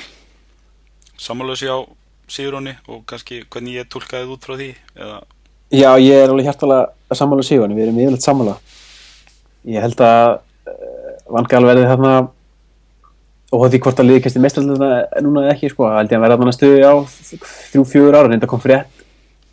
um daginn að hann væri svo svakalega síðan á United að hann vildi vera til 2020 en það eru fimm ár, veist, hann er orðið svolítið gamall, hann hérna hann tapaði miklum peningum í, í Ponzi hérna dæminu hjá Bernie Madoff já það? Og, já, og hérna þannig að hann kannski er svona að sapna fyrir, fyrir hérna, eftirleinu árin já, en já, sko, það er náttúrulega hann er bara komin að stað ákveði ferli og, og kannski þess vegna sem mennir svona finnst United verið að spila leiðina fótballtæðin hann er að innlega algjörlega nýtt dæmi, sko, svona sendingar bolta sem, þú veist, maður er ekkert séð bara aldrei hefur United. Já, og ég meina hann er náttúrulega bara byrjaðar á því og ef hann myndi fara núna þá náttúrulega er það, þá er það því það aftur þurfum við að byrja upp á nýtt með einhvern nýjan stjóra. Já. Þannig ég held að hann sé verði komin til að vera á næstu 3-4 ári Já, hérna fyrir mér eitt af skemmtilegast að við hafa hann sem hefur undan valdi vonbrun það sem afir tímabilið, það er þessi myndir rígur hans hérna við Ronald Koeman sem að menn segja sé bara einn svakalegst rígur í Evrópu og meðal þjálfara. Veit ekki hvort þið hafðu heyrt söguna af Fangal og hérna sumarhúsinu? Jú, jú, hún er alveg frábær. Að að fyrir þá sem hafa ekki heyrt hana þá á Ronald Koeman á hérna sumarhús eitthvað staðar í, á Spáni eða eitthvað held ég fara minni rétt byggði alveg svakalega draumahöll þar fyrir peningana og ætlaði svolítið að eða sömrunum þar með fjölskyldinu og frábært. Og svo hérna vaknar hann upp við eitthvað háfaða þá verið að byggja eitthvað skrimsli við hliðina hann sem skikir á sjáar útsýnið hans. Og hérna og svo, svo fór hann að kanna máli og komst hann að því að Louis van Gaal var að byggja þarna. Og hann, van Gaal hefur vist ekki eitt einni nótt þarna, hann bara byggði til að skikja á Ronald Koeman það er náttúrulega mikill karakter sko, það er, menn náttúrulega menn ráð ekkit við, menn, þú veist, að stjórna mæstu nætti, þetta er, veist það er, þetta er kaliberi stærstu störfi í heiminum í boltanum. Já, og þú veist, menn, ég meina, Mois hafi aldrei, þú veist, hann er engin karakter, hann er svona næs gæði sem er fínt að fá sér bjór með, ég myndi aldrei vilja fá mér bjór með Louis van Gaal, ég held að hann sé algjört fíbl skilur já, en þú veist, hann er með hann karakter og hann lemur menn áfram og það er ég Ég hérna alveg hörmulegu með áfengi ég sagði, segi það. Óna, óna og allt annað. Og ná allt annað. Ég vil meina United uh, þjálfarastæðan hérna, ég veit að einar skamma mig á baku tjöldin en ég vil meina hún sé svo stærsta í heiminum því að, að ólíkt Barcelona og Real að þá eh, er United byggt fyrir stjóra sem endist ekki hérna átján mánuða djobbið og fá velborgað og vinni titil og hætta svo þannig að það er mín sko Ef við skulum sjá til Já, hún er byggð fyrir það, hvort að það endist núna eða hvort að það var bara Ferguson á eftir að koma ljós. Einu Já. orðin, einhver loka orðum United sem vilt eh, segja Manchester United aðdóndum? Nei. Við skiptum um lið. Nei, skiptum bara yfir Liverpool Við erum alveg búin að tala of mikið um United fyrir þinn smekk. Já, þetta er fínt Þetta er fínt. Sigur hún einhver loka skilabót til Liverpool manna um United? Nei, nei, við bara sjáumst á sundaginn sko. Hérna, Tryggvi, þá ætlum ég að gefa þér loka orðið og svo bara í kjölfari að þá tekur þú yfir og, og hérna, þið bara takkir Liverpool kaplan ykkar. Segðu mér af hverju eigum við Liverpool menn að vera skítrætti við United næstu árin? Öðru ég held að snúist fyrsta lagi um peninga United á miklu meiri peninga en, en Liverpool Já. í öðru lagi erum við með mjög hæfan stjóra Já. Og til langtíma litið er þetta mjög góð blanda Nei. Já, ok, haldt árum. og hérna Liverpool er að keppa við þrjú fjögur stólið og meðan United er að keppa við eh, það er ekkert lið sem á jafn mikið peningu United þannig að til ástæmi litið held ég að þið séu að hérna, í baráttu sem þið munum alltaf tapa Ok. Ég, ég mótmæli þess ekki. Þetta, þetta er bara það, við vitum það. Bara gjör svo vel, þá komum við að Liverpool. Við einar dröfum okkur hlýði smá stund. Já, þetta er búin að mjög sviftingakent tímbili á Liverpool og hérna það er eiginlega útrúlegt þessi umskipti sem er orðið á miðurleik tímbili það þurfti kannski einhvern eldfræðu sérfræðing til að sjá það fyrir um að tímbili erði erfiðara en að síðast tímbil þeir mistu hann að besta leikmann deildarinnar uh,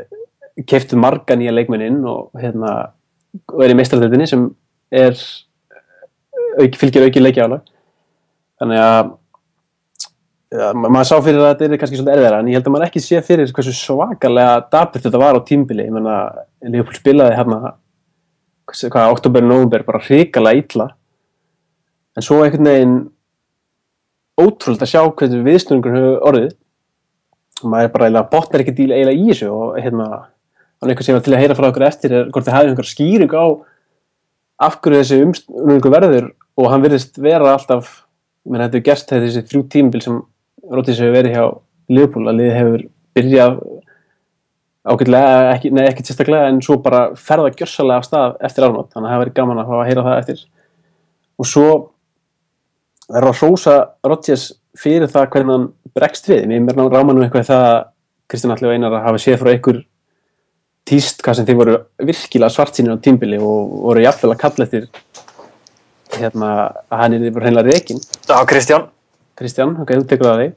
En Ég hérna beði eftir eina gripi fram í hann en hérna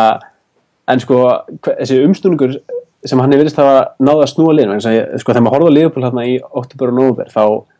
þú veist, þetta var svo andlust þetta myndi maður bara á þetta var verst undir hjá Mói sko. Leikmenni viltist ekki nennan þessu það er ekkert að ganga upp. Og hérna hann á hróskili fyrir þetta og sérstaklega maður ber þetta saman með Martínez þessi tveir stjórnar voru náttúrulega þú veist, Messiasar síðasta tímbils bara bóðbera nýra tíma í ennska knaspinu en, en hérna báðir lendi erfleikum á tímbilinu en annar stjórin hefur brúðist við með því að breyta til menn hinn er bara fastur í sama forminu og er bara að nálgast fall. En að meðan er Leopold bara það sem það á að vera í barutunum mestraröldinni Sigurjón, hefur þú eitthvað að bæta þetta? Ég, ég raun og veru, nei, bara eh, nokkurn veginn sem pælingar og ég var með sko, ég meina eh, tímabilið í fyrra var náttúrulega bara stórkostlegt hjá, hjá hérna Liverpool og þú veist, margir því ég kíkti á þetta hérna aftur í gæra þá hérna sá ég að það voru náttúrulega allir leikir bara 3-2 sko og 6-3 og 5-0 og, og, og svo framvegis, það er náttúrulega sóknin var frábær í fyrra og vörnin ekkert kannski sérstaklega glæsileg en hérna en ok og svo komast þeir svo ofbáslega nálægt í að klára þetta og fá loksist titilinn sinn og hérna missa þetta hérna bara á síðustu metrunum. Og þann, en það sem að sko ég sá allan að marga liðupur með voru bara hérna tilbúinir í næsta tímabil og, og allir sko heldur betur að gera veist, sömu hluti og, og fóru í tögadar á ansi mörgum þegar maður sá hérna að margi spekingarnir voru að, hérna, spá þeim í, í hérna, fjórða og fymta sæti og eitthvað svona veist, og, og, og sérstaklega á eftir Manchester United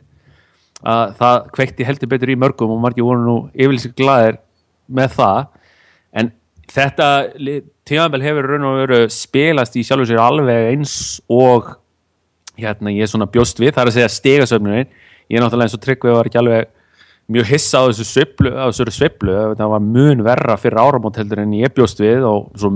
mjög gott eftir áramót aftur. Uh, en sko ég, já, ég bjóst alltaf við þessu tímabili bara sem næsta tímabili vegna þess að, vegna þess að Leopold voru svo ofbáslega nálægt í að vinna í fyrra að þeir eru raun og veru að koma inn í þetta tímabil bara með nána sömu pressu bara og meistararnir bara að það eftir, þú veist, og við veitum náttúrulega öll hvernig það er að, að vera meistari og þurfa að hérna, að, að hérna, verja titilin að, að tala allir um það að það sé mun erfiðara og mér finnst svona þessi svipu pressa á Leopold allan í haust bara að koma og fara að halda áfram að slátra þessari deild sko. en hérna en það er náttúrulega augljóst að Suárez faktorinn var töluvert meiri sko og hérna ég meina tímabili hans í fyrra er á pari við þú veist tímabili Ronaldo þú veist 2008 var ekki? Og hérna það sem að veist bara raða einn mörgum og raun og raun að halda bara á liðinu svona mikið til sjálfur sko. Þannig hérna þannig já, þetta hefur nú svona verið eins og segið, ég bjóst alltaf við hérna City og Chelsea svona í sérflokki og svo er þetta Arsenal, Liverpool og United að berjast um næstu sæti og hérna það hefur svona reynst rétt og ég eiginlega er mestist á því að City sé svona nálat okkur hinnum sko, eins og þeir eru. Þannig að hérna þannig að já og, og svo þriði punkturinn að, að þetta tímafél er eins og, eins og það er að hérna, það er náttúrulega ekkert grína að hérna að kaupa einhverja sjö, sjö leikmenn og, og implementa þeim inn í hópin sko og hérna þannig að það var alveg greinilegt að það voru, menn voru ekki alveg klárir á þú veist svona hverju öðrum til að byrja með og, og þessi leikmenn sem að hérna sem að menn svona báru mikla hvað við segja, hérna vonir við Lallana og, og, og aðrir að þeir kannski, kannski voru ekki alveg svona slípaðir til að byrja með til,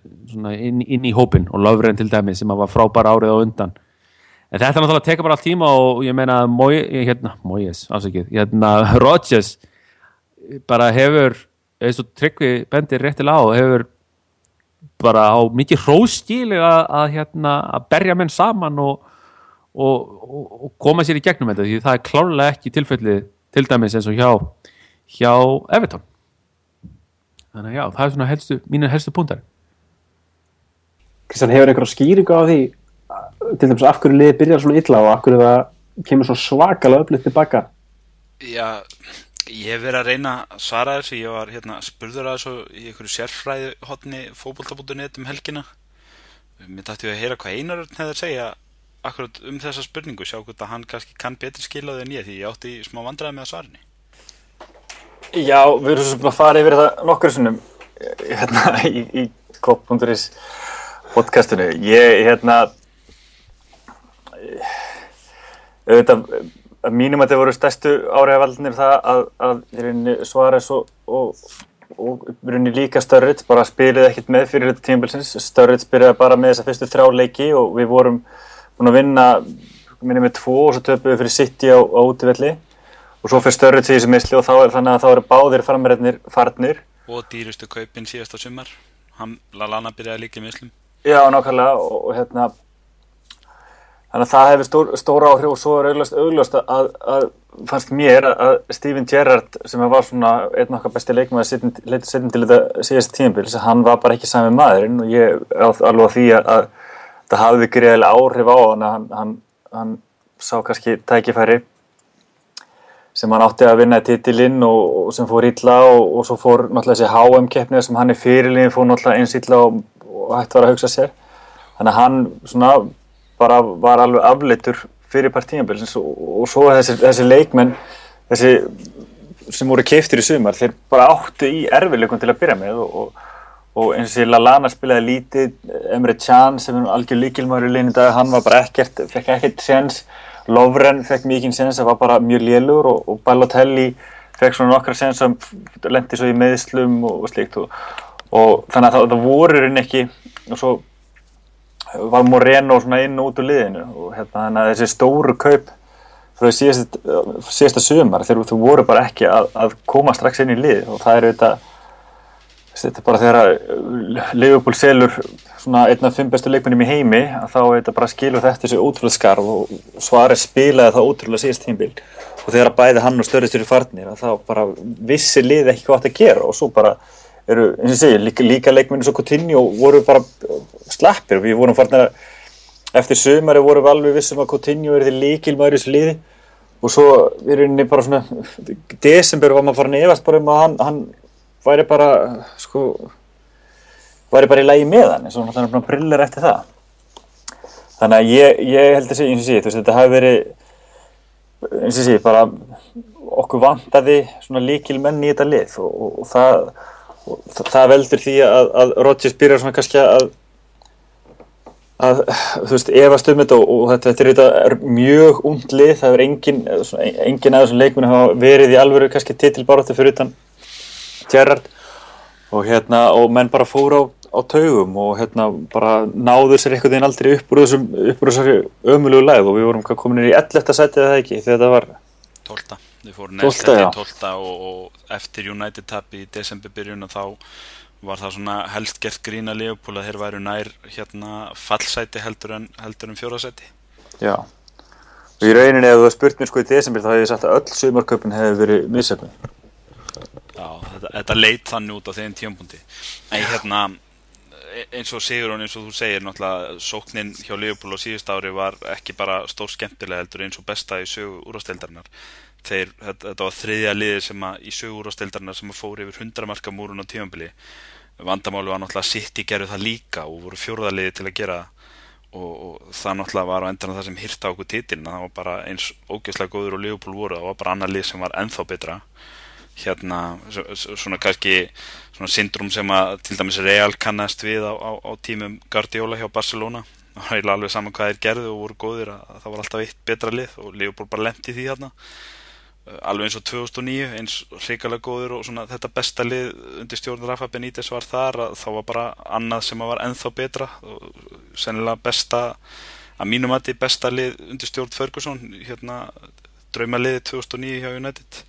2008-2009 en hérna og, og sko og það var ekki bara það ég meina þú veist þessi sókn var svo góð í fyrra að Leopold plotti tvo markaðistu mennina í dildinni og svo byrjar tímanbili eins og eina segir án þeirra begja það er bara þú veist ef að hérna þið viljið kvarta yfir meðslum United menna þá segjum við bara ditt og, og hérna með borðið sko að eða 25 miljónum punta síðan í sóknamann sem var maður sem átt að geta komið inn og verið svona öðrum fremur sá sem að gæti haft áhrif strax í Adam Lallana og þurfa að vera án Suárez, missa Suárez og hérna og svo náttúrulega missa Sturridge út og Lallana í upphæði tímpils þetta var náttúrulega bara svakalett það sem að kannski pyrraði mig mest og þess vegna kannski fór ég svona í dýfst í læðinni í desember þegar liðið dætt út um mestardeldinu og steinláð fyrir United það, það var sko bara fyrst og fremst hvað Rodgers var lengi að gera breytingarnar. Ég er ánæðið með hann skulle hafa gert breytingarnar á endanum og fundi lausninnar en mér fannst hann ekki vera gera breytingarnar eða, eða þú veist leita breytingarna á réttan hátt allt og lengi og það bara reynilega gæti á endanum talið því að Liverpool er eiga alveg bara fáránlegt tímabil frá því að þeir töpuðu fyrir United sem var svona fyrsti leikunum sem hann spilaði með þessu nýja leikjörfi og það gleymist oft uh, í þessu 3-0 tapi Old Trafford að Liverpool voru ekki tryggalega liðleir þeir náttúrulega stóð ekki steinni við stein í vörninni en De Gea var ma valið maður leiksins í 3-0 sigri United og heimaðli sem að segja svolítið sögu líka um hvað Liverpool var að gera þeim leik. Og sem að gafu svona ákveðum fyrirhættum hvað koma skildi hjá Liverpool og meira segja án Sturridge. Og þannig var Störling allt í hennum mættu fram og óði færum þannig að já svo náttúrulega verðum við kannski við einar líka að, að kannski taka okkur annan punkt að hérna með gengið í haust að náttúrulega selur Luis Suárez og kaupir Mario Balotelli og Ricky Lambert í staðin það ef að allir aðrir er við getum sagt sko eins og einar segir við vorum nánast tilbúinir að kalla alla öll sumaköpum flopp í, í byrjun desember en í dag að þá eru svona einhvern veginn allir búin að stimpla sín góða nema þessir frammerjar okkar tveir. Og það verður bara, ég held að það sé svona og Lofren líka. Já en samt Lofren er fann að líta betur út núna eftir að hann kom inn aftur. Allavega mínum mati, ég sé alveg fyrir mér hann eða í framtíð, ég bara er ekki ennþá samfarið um hvað Lambert og Balotelli færa þessu lið og, og, og sérstaklega ekki að þú ætlar að byrja á sama við mannin sem þeir átt að koma í staði fyrir En nú, núna hefur þetta verið svona svolítið hérna upp og niður svolítið hjá, hjá Leopold síðan að kannski Benítez var látið fara. Þú veist, fengur hann að frábæra stjóra strax í kjölfarið hérna, Meistarar og Hjótsson En sko það er svona veriðst vera eins og þau séu svona hvað að segja, það hefur verið endur nýjum í liðinu og gömlu kallinir eru að, er að fjara út og, og nýjir, nýjir hópa koma og, og svo framvegis og hérna og það er svo sé svona komin í, að komast yfir þann hérna núna með því að Gerrard er að, að yfirgefa ykkur núna í sömar og, og svo framvegis. Sjáu þið þá þú veist, er liðið núna fullmóta, eða þú veist, þannig fullmótað upp á framtíðina, ég meina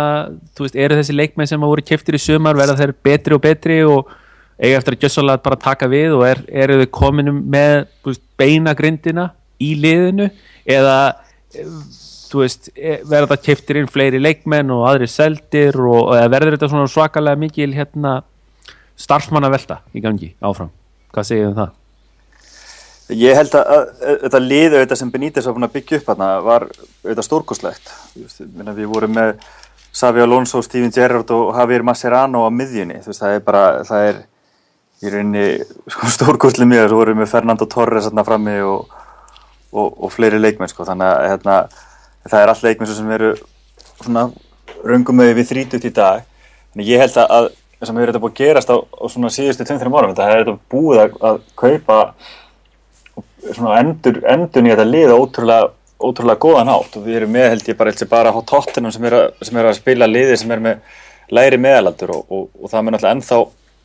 meðalandur mun alltaf ennþá lekka í, í sumar þegar Steven Gerrard tættir þannig að ég hérna þessi kjarni í þessu liði ef að segja maður kjarnin séu sko hérna uh, Sakko og, og, og, og hérna og uh, Tjani miðinni og Henderson og Lukas og Allen og Störling og Tinjó Störling þetta er all leikminn sem eru sko 22-25 ára gamleir og leikminn er svo Jordan Ibe og hérna, Störling sem eru undir títugt þannig að hérna, þetta er þetta Markovits, já, 20 Moreno, 20 reikleis, Moreno, já, þetta, þetta er alveg ótrúlega, ótrúlega, hérna, ungt og efnilegt lið og að mínum að þetta er þetta hárreitt stefna sem FSG hefur verið að reyka að, að, að við höfum, Liverpool hefur ekki efna á að kaupa uh, Di Maria fyrir 70 miljónum pund, að það bara er ekki inn í dæminu, hérna, og, og þá er, þá er að mínum að þetta er langt best að reyna að kaupa þessa leikmenn sem eru, sem eru að skara fram úr 2021, það getur vel, vel verið það þýði að við þurfum að selja þessa stráka þegar þeir eru 25 ára. Það getur vel verið að Coutinho vilji fara til Real Madrid þegar hann eru 25 ára en við erum alltaf búin að fá 4-5 frábær ár frá þessum leikmenni og það er bara hérna það er að mínum að þetta hárið stefna og ég held að,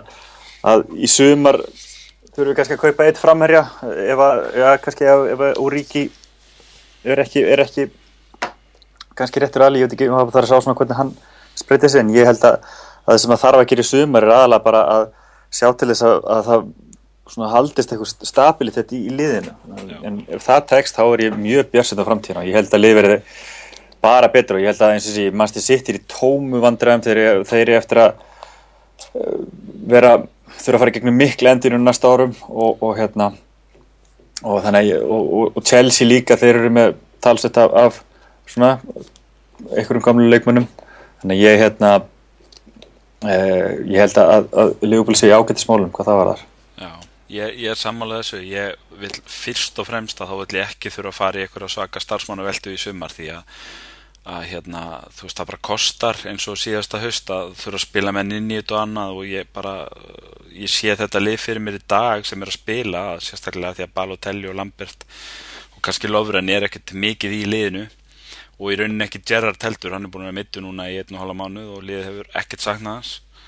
hérna, að, þú veist, ég sé bara fyrir mér að þarna er bara, þú veist, 14 manna kjarni eða eitthvað sem á bara að vera svo kjarni sem byrjar næstu leiktið ef allir eru heilir og, og hérna, ég er reyðbúin þessi leikmenn sem voru keifti síðasta sumar meiri sér að lofra en ég, ég sé bara ekki eitthvað kníjandi þörfa á að vera að kaupa til dæmis hafsend í sumar. Í vörnina, með skörtilat náfram, Sakko, Tjan, Lofren ef Kólotúri tekur slægin hann er vist ákveða sér núna hvort hann vill framlengjum árið ekki. Leopold er búið að gefa honum tilbúð þá, þú veist, þá bara sé ekki að því og mér finnst ekki aðkalland að vera að breyta ykkur þarna, það er kannski kannski helst að það þurft að skoða hægri vangbakvara stöðuna, það er náttúrulega búið að vera svolítið að tróða Markovic og, og Störling og Lallana þángað að því að þessi Javier Manqui og hefur ekki alveg spjara sig að fundi í þeirri stöðu og John Flanagan er náttúrulega búin að missa af allt tímanbili, kannski kemur hann sterkur inn núna eitthvað fram á vorið og, og gefur sér sjens á að, að keppa um þessa stöðu næstu leiktið en að öðru leitið þá eru við bara að horfa fram með hérna ég, uh, nú eru konið fram í mars og ég er ekki enþá að sjá neitt sem að bendi til þess að Rikki Lambert og Mario Balotelli uh, eigi að fá endilega annað tímanbili hjá Leopold, ég vil bara Sturridge og hérna og náttúrulega Borini er farin, það er allir hættir að tala um hann þannig þú veist, þetta er bara Sturridge, Origi er að koma Störling getur spilað þarna frammi. Ef það er hægt að veist, er hægt að komast í mistradildasæti og hérna og nýta sér launaplási sem að skapast er að Gerrard og Johnson hætta og, og þá peninga sem eru til til dæmis hluta af svarespinningunum sem var ekki öllum eitt síðasta sumar svona fyrir þá sem eru í Excel-skjölunum að setja það bara í frammeri bara einn mann veist og, og kannski hérna Van Persie kaupin hjá United er rosalega góð svona kannski svona gott dæmum það sem að ég væri til í að sjá Leopold gera í sumar veist, bara svona einn maður sem er tilbúin bara, sem kemur 20 mörgin í þetta lið og þú veist, allavega heldur þeim á stalli ef að Sturridge er eitthvað mittur og annað eða liftir þeim upp á annað plan ef að Sturridge er líka heitur veist, það, það er bara það sem vantar. Og þá á þetta lið að vera með öll innihaldsefni til þess að geta byrjað næstu leikti hlaupandi en ekki á hnjánum eins og, eins og hefur verið vennjan hjá Rodgers. Það er líka kannski, kannski hlutaði að akkur þið byrjið svona verðið við endi tímbili að þeir eru aldrei að kaupa leikmenn sem eru klári í slægin sko. þeir eru alltaf að kaupa leikmenn sem eru Já, svona efnilegir og það þurfa kannski að þess að hérna, þurfa reynsli og svona Já, það er eins og Einarður segir sko, þú veist, við keiftum ekki Di Maria sem að var frábær fyrstu tíu leikina hjá United sem að var klárlega stór hluti af því sem skildi að United og Liverpool í september-oktober, það var maður eins og Di Maria hjá ykkur á meðan við vorum ekki með neitt solis hjá Liverpool. En á móti að þá keifti Liverpool kannski til dæmis Lazar Markovic sem að hefur kannski potensial til þess að borga sig markvalt upp með að við Di Maria með að við þú veist kostnæðin og leikmönnum og, og aldurinn sem þeir eiga framvið fyrir sér náttúrulega að því gefna að það rætist úr Markovic eins og menn eru að, að, að vona. Að, þú veist að Leopold er í þeim kaupum. Leopold er ekki að kaupa Di Maria sem er klár í að veist spila eins og topp leikmaður strax heldur er verið að kaupa leikmannin sem að verður eins og til dæmis Divock Origi. Það, það er verið að kaupa strækjar sem að ef að þú veist fer sem horfir og menn er að spá að þá þú veist þá getur það verið næsti, hérna, næsta stóra nafn í ennska boltanum bara næstu árin. En það er ekki leikmaður sem er að fara að skipta sköpum fyrir Leopold strax í ágúst. En út af þessari leikmannastefnu eða þessari leikmannakaupstefnu hjá, hjá Leopold þá er þið í raun og veru að leggja veist, öll eitthvað egg í körfu hérna, Brendan Rodgers upp á framtíðina. Og er það eitthvað sem að hérna, veist, það er hæðilegt að þurfa að skiptu um þjálfara eða eitthvað slíkt veist, á næstu tveim tímabölum sko, þegar að þetta hefur verið sagt, svona, eins og segi kaupstefna liðsins. Og þá er spurningin ef að Rodgers kemur ekki með neina byggara í hús á næstu þremur árum eru þið þá bara sátti við það að vera næsta Arsenal-lið, bara spila frábæran bolta og vera alltaf í top 3 og, en aldrei þá kannski vinna neitt. Nú er ég að segja ef, ef það gerist, ég veit að þið trúi því að, að hérna, það mun ekki gerast en, en hvað hva, hva, hva verður þá hvaða hliða tilnum verður þá komin upp gagvart, gagvart stuðmennunum Einar? Ja, ég, ég veit ekki, það er erfitt að segja ég, ég, hérna, ég væri ágætlega sattur við að vera svona, eins og Arsenal hefur verið undarverðin bara ef að lið myndi, lið, svona, ég myndi taka það, þann stöðuleika sem Arsenal hefur sínt undarfærin ár. Ég vil leita kannski að topparnir verða aðeins herri heldur en að hafa verið í Arsenal undarfærin ár en ég held að sem liðupúl þetta þarf eftir þetta allt það ekki glíma því að liði var, var bara kortir frá því að fara á hausinn og hérna og við vorum með algjörðan mannvita sem þjálfara mjög lengi, hálf tíðan bil og, svo frammiðst þannig ég held að hérna að það skiptir þetta mestu að byggja upp eitthvað stöðuleika, mínum að þetta er hárætt stefna bæði farin í, í vali og þjálfara með því að kaupa eitthvað, með því að fá svona ungan og eflina þjálfara sem verður mínum að þetta sanna sig frábærlega. Þannig mínum að þetta er reygin alveg rétt stefna á liðinu og ég held að menn hafa alveg þólumæð og, og John Henry og, og félagar eru, eru vita alveg hvað það er að gera. Þannig að hérna að, að ég held að þetta, svona, þetta verði hann fyrst og fremst stemdur út úr því hvort að að liðin er að halda sér meðal efstu liði í dildinni. Ég held að, að hvort að liði vinni FA Cup eða eitthvað, eitthvað þann, þannig byggarinn á milli mun ekki, ekki skipta öllu móli. Það skiptir aðal móli fyrir liði að, ná að halda sér upp og það er, það er orðið þannig núna í ennska bóltanum að, að hérna, þegar Benítez var þá voru kannski bara, það voru bara fjögur lið sem voru eitthvað líklega til þess að lenda í, í einu og fjórum mest setjum. Það var bara Chelsea, Manchester United, Arsenal og Liverpool. Nú eru komin að það liðin sem Manchester City og, og Tottenham sem er að ógna þessu verulega þannig að, hérna, að það verður ennþá bara verður alltaf erfið og erfið að komast einn af þessum fjórum mest setjum þannig að menn gáttu leift sér liðlegt tímabil því að það voru alltaf 10-15 stegi í þú veist Newcastle og Everton að það verið neðan Algjörlega. það er ekki staðin í dag þú veist, tveir tapleikir getur, það getur skilað eins og hjá United núna tveir tapleikir eða tveir sigurleikir í likil viðrögnum framöndan eins og gegn Liverpool City geta skilið að hvort þeir eru í sjötta sæti eða öðru sæti. Það var bara ekki þannig í mörg ár. Og ég held að líka þessi varandi einhvern veginn financial fair play mun leika þessi lið þá getur það bara unni, spila svona gert bara útslæði með það hvernig þetta verður á næsta árum varandi gengið sem er að liða. Ég held að, að Chelsea og hérna Chelsea og Manchester United verður nú alltaf ofalega en ég held að það geti ótrúlustu lið lendi basli ef þau komast ekki í meistarallina ef Assal myndi allir hægt að komast í meistarallina eða, eða ef að, liðið svo tóttina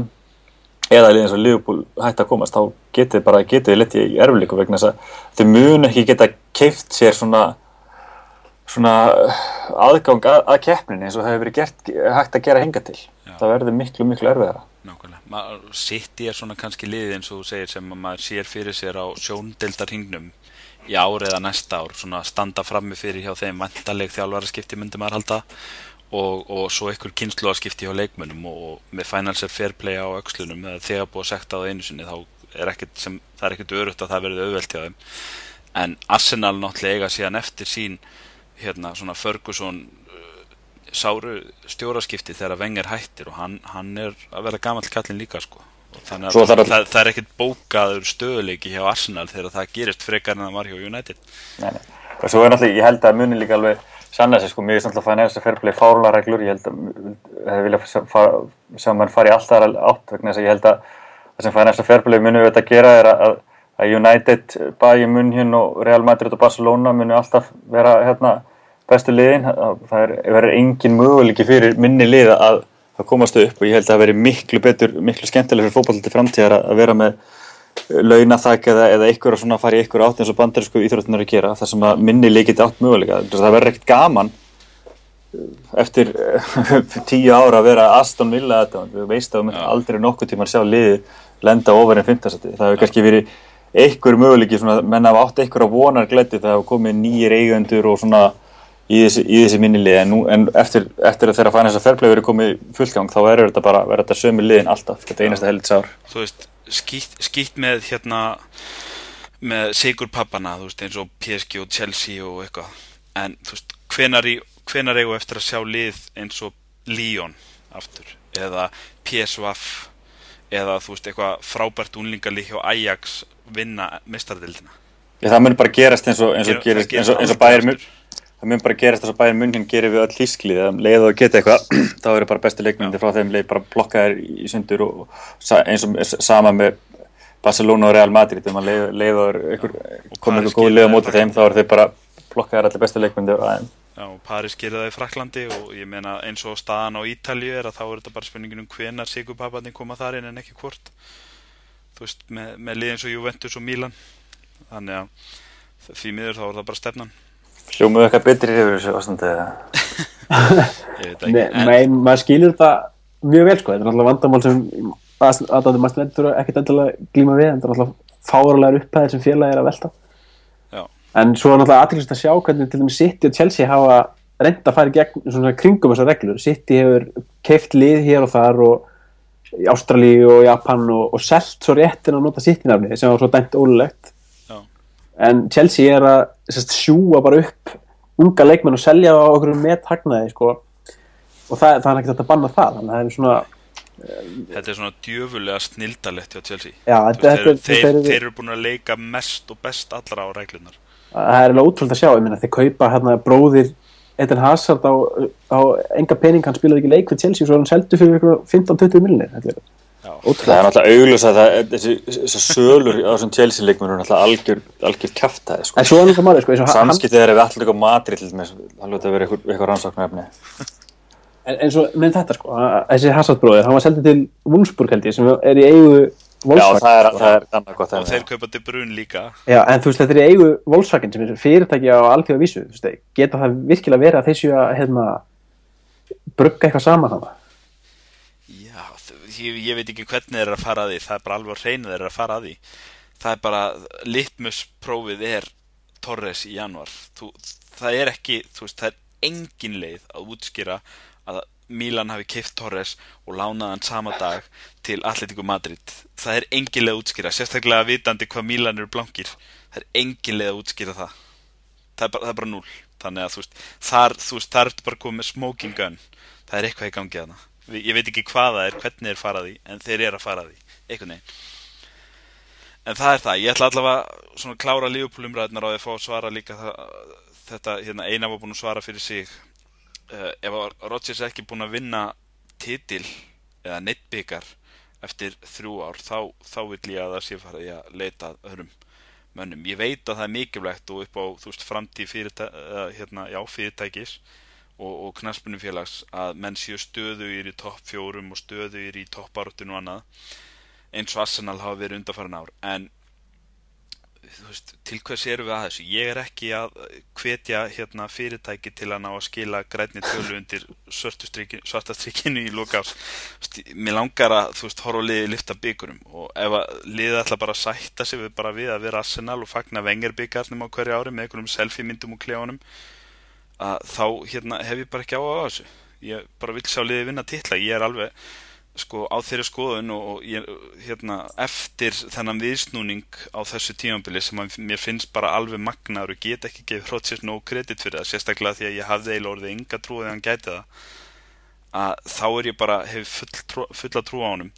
En hann á eftir að sína að hann geti stýðir loka skrefið í einhverju keppni og það verður eitthvað starf að byrja þú veist, fyrst að kom ekki óvænt í deildin á síðast ári þá verða menn bara að gera svo núna stígu með nokkuð svona greiða leiði ja, eins greið á hægtir og pappir í úslitt FA byggarsins til dæmis í vor og hérna, og menn verða eitthvað tíma að stígu upp og sína þeir geti það og ég vil sjá hann gera það. Og hérna, ef það, þú veist, og mér finnst það bara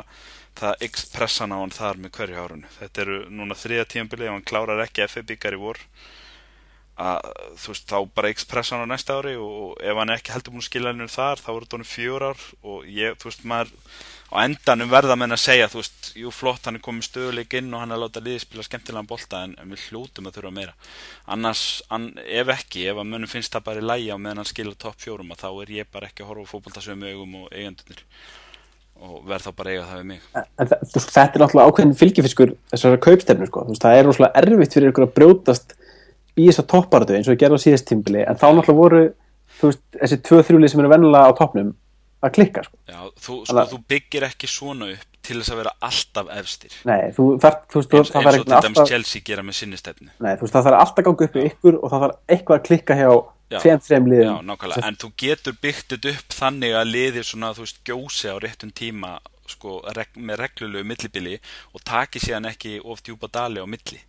Þú getur verið þú veist, það er það sem eru fundist vant að Arsenal. Ég gaggrin Arsenal ekkert fyrir að vera eini klubburinn í Englandi sem eru alltaf komist til meistardildina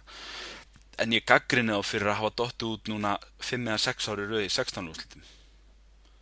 þú veist, þa þar er eitthvað að. Þú veist, það er ekki nóg fyrir vengir að segja við erum að spila skemmtilegan bolt og við komumst alltaf í mistardildina þegar liði vann enga dollu í 10 ár og detta alltaf út á mistardildinu og ef, að, ef að við erum að horfa það hjá Rodgers eftir 7 ára, hans er búin að stjórna liðbúli 10 ára á hans að vinna dollu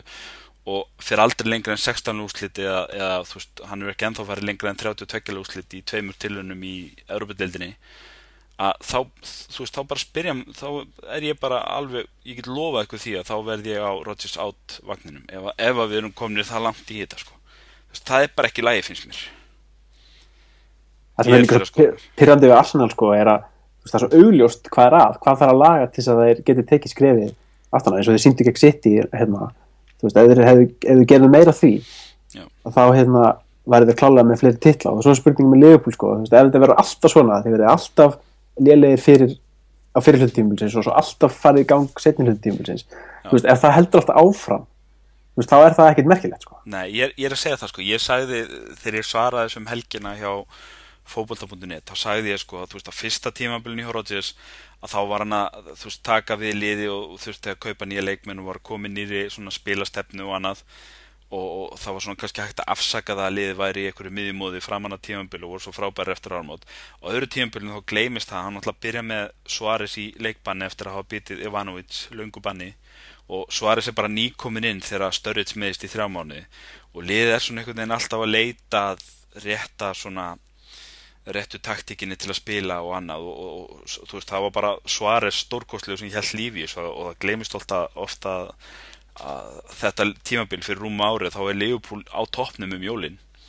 og hérna og þú veist það ná að halda sér svona í topp fjórum all, all tímabilið. En náttúrulega springa svo út og ásamt City og Chelsea og síðan ásamt bara City skilja sér frá pakkanum með frábæri gengi eftir ármót en svo náttúrulega er þetta hræðilegt núni ári en veist, ef að liða ætlar alltaf að vera liðlæra fyrir áramót heldur en eftir áramót að þá hlýtur að fara að spyrja, veist, er hver er samnefnarinn? Og samnefnarinn er Rodgers ef að þetta gerist ár eftir ár. Alveg eftir samnefnan hjá Wenger nei hjá Arsenal til dæmis, þetta er hann tíu ár og þú veist eitthvað tvö, þrjú lið sem að þeir eru búin að byggja upp og selja svo leikminna byggja aftur upp, selja svo leikminna og alltaf verður með sömu það sem að þeir kalla þú veist svona mental freiltíður alltaf við að brotættir eitthvað andlega út í völlum gegn stóliðunum og, og þú veist hver er samnefnarinn? Samnefnarinn er bara Wenger, það er hann sem er brotættur andlega. Það er hann sem getur ekki stíðið þetta skref það er alveg sama hvaða leikminn eru hjá þeim. Það er fullt af frábæra leikmennum hjá þeim núna. En þeir get ekki stíðið þetta skref. Og þú veist og Rodgers er bara í þeirri stöðu fyrir mér, hann verður bara eins frábæra og neð, hann verður eitthvað tíman að sína að hann geti betur en, en hérna að vera bara þú veist í silfur eða brons en, en hérna, það er mín skoðun FA-byggar er náttúrulega kjöru tækifyrti þess kjörið, það myndi gefa honum ótrúlega mikið sem stjóra Liverpool að skila dollu þar. Sko, Brian Clough talaði um að það veri rosalega mikilvægt að komast á bræðið að kampaðinni. Og hérna, þá vilja mér alltaf meira. Ég man að ungu strákarnir hjá United tölu alltaf um það þegar United vann meistræðuna síðast að þeir voru komin inn í keða með byggjarinn og einu sem gikk svo þessi kallega á talaði um bara við ætlum að gera þetta aftur næsta ári sko þannig að veist, það er þetta kampaðins bræði sem menn vilja. Það er svo leiðis, herru, þetta er búin að vera líflegar umræður um hérna bæðilið, við ætlum að snú okkur að leiknum sjálfum um helgina, við erum búin að tala svolítið um gengið á tímanbylinu og, og síðan svona spá í spyrinn framtíðina hjá báðum liðum. Nú ætlum við bara að horfa á sunnudaginn. Sigurjón, fyrsta spurning uh, eins og ég var að eitthvað við í upphæðu þáttar, ef að United tapar þessu og ef að er tapar þessu á þann hátt að þið verðið hundfúlir út í United að hafa tapað þessu, þar að segja að þeir tapað þessu ekki þú veist bara því að við vorum góðir en Liverpool voru betri, heldur að því að United bara klúraði þessu. Hvað verður það sem klikkar hjá United? Hvað er líklegast til að klikka? Uh, að hega meiðist í uppbytunni eða eitthvað? Nei sko hérna það er náttúrulega mikið verið talað um vördina hjá United í alla vetur en, en þú veist, einhverju hlut að vegna hafa en hún samt náð hansi góðum sko tölum og haldi hreinu og svo framvegis. En vörninn, en vörninn er alltaf þessi veist, það var það sem var til dæmis allir tapurinn gegn Arsenal en daginn, þó að Arsenal hafi svo sem alveg verið nokkuð beitti fram á við og De Gea þurfti að verja nokkur sunnum og svo framvegis. Þá var það þessi ótrúlega heimskulega sending frá Antonio Valencia sem að skapaði sigumarkið þannig að það er í raun og alltaf þessi hérna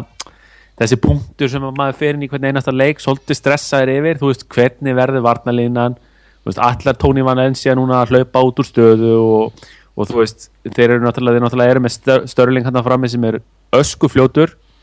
og hérna þannig að það verður, þeir verður klárlega í svolítið basli með hann og það er raun og veru held í helsti svona kannski helsti veikleikin hjá okkur er, er varna, varna línan og hvað hún ætla sér að gera. Ef hún mæti til leiks veist, með fókusin í lægi og eins og til dæmis vorum við á móti tóttiram þá, veist, þá er ég bara nokkuð bjart síðan á þetta sko. Ok, Tryggvi, hérna nú náttúrulega eru því luxus stöðum við síðustu tímabila hérna náttúrulega Vítids er ekki lengur að spila fyrir United þannig að því að aukast talsveit líkunar á að það verði 11 mot 11 á lögadaginn, neða sundag Hérna, ertu sammála sigur eða ertu, getur bent mér eitthvað annan veikleika sem ég get svo e-maila Rodgers í kvöld? Já, sko ég er, já, ég er alls sammála sigur vörðin er, er óstyrk þó hún með, ég meina það eru bara tvölið í deltinni búin að fá sér fleiri mörg og veist, það er eins og tölfræð þetta sem benda til þess að vörðin sé fín en svo eru aðrið tölfræð þetta eins og vartan mistök það er í United í öðru sæti en þessi vartan mistök hafa bara leitt til tveggja marka Þannig að það er náttúrulega með besta markmann Emitt sem segir, segir bara hvað DG er góður sko. þannig að þessi tölfra þessi, þessi, uh, hvað eru búin að fá sér frá mörk er kannski svolítið villandi að, og þeir eru svo óstyrkir Eða sko. næst besta síðustu þrjá mánuðina við erum með mannin sem er búin að halda oftast treinu í dildinni Já en hérna svo hefði ég haft aðra áhugjur ef ekki verið fyrir Michael Carrick sem er komin aftur úr meðslum hann kom meittist í janúar og mætti til leik sem átti tóttinan í byrjunlið og laðið mark og, og skoraði. En það er náttúrulega ekki það merkilega sem hann gerir fyrir lið. Það sem hann gerir fyrir lið er að loka þessum svæðum á miðinni fyrir fram að vörnuna sem Daily Blind hefur verið hans hérna, fjaraveru en Blind er ekki alveg nógu góður í því sko. en Carrick er svo rosalega góður í að loka þessum svæðin sem myndast á milli miði og varnar. Já.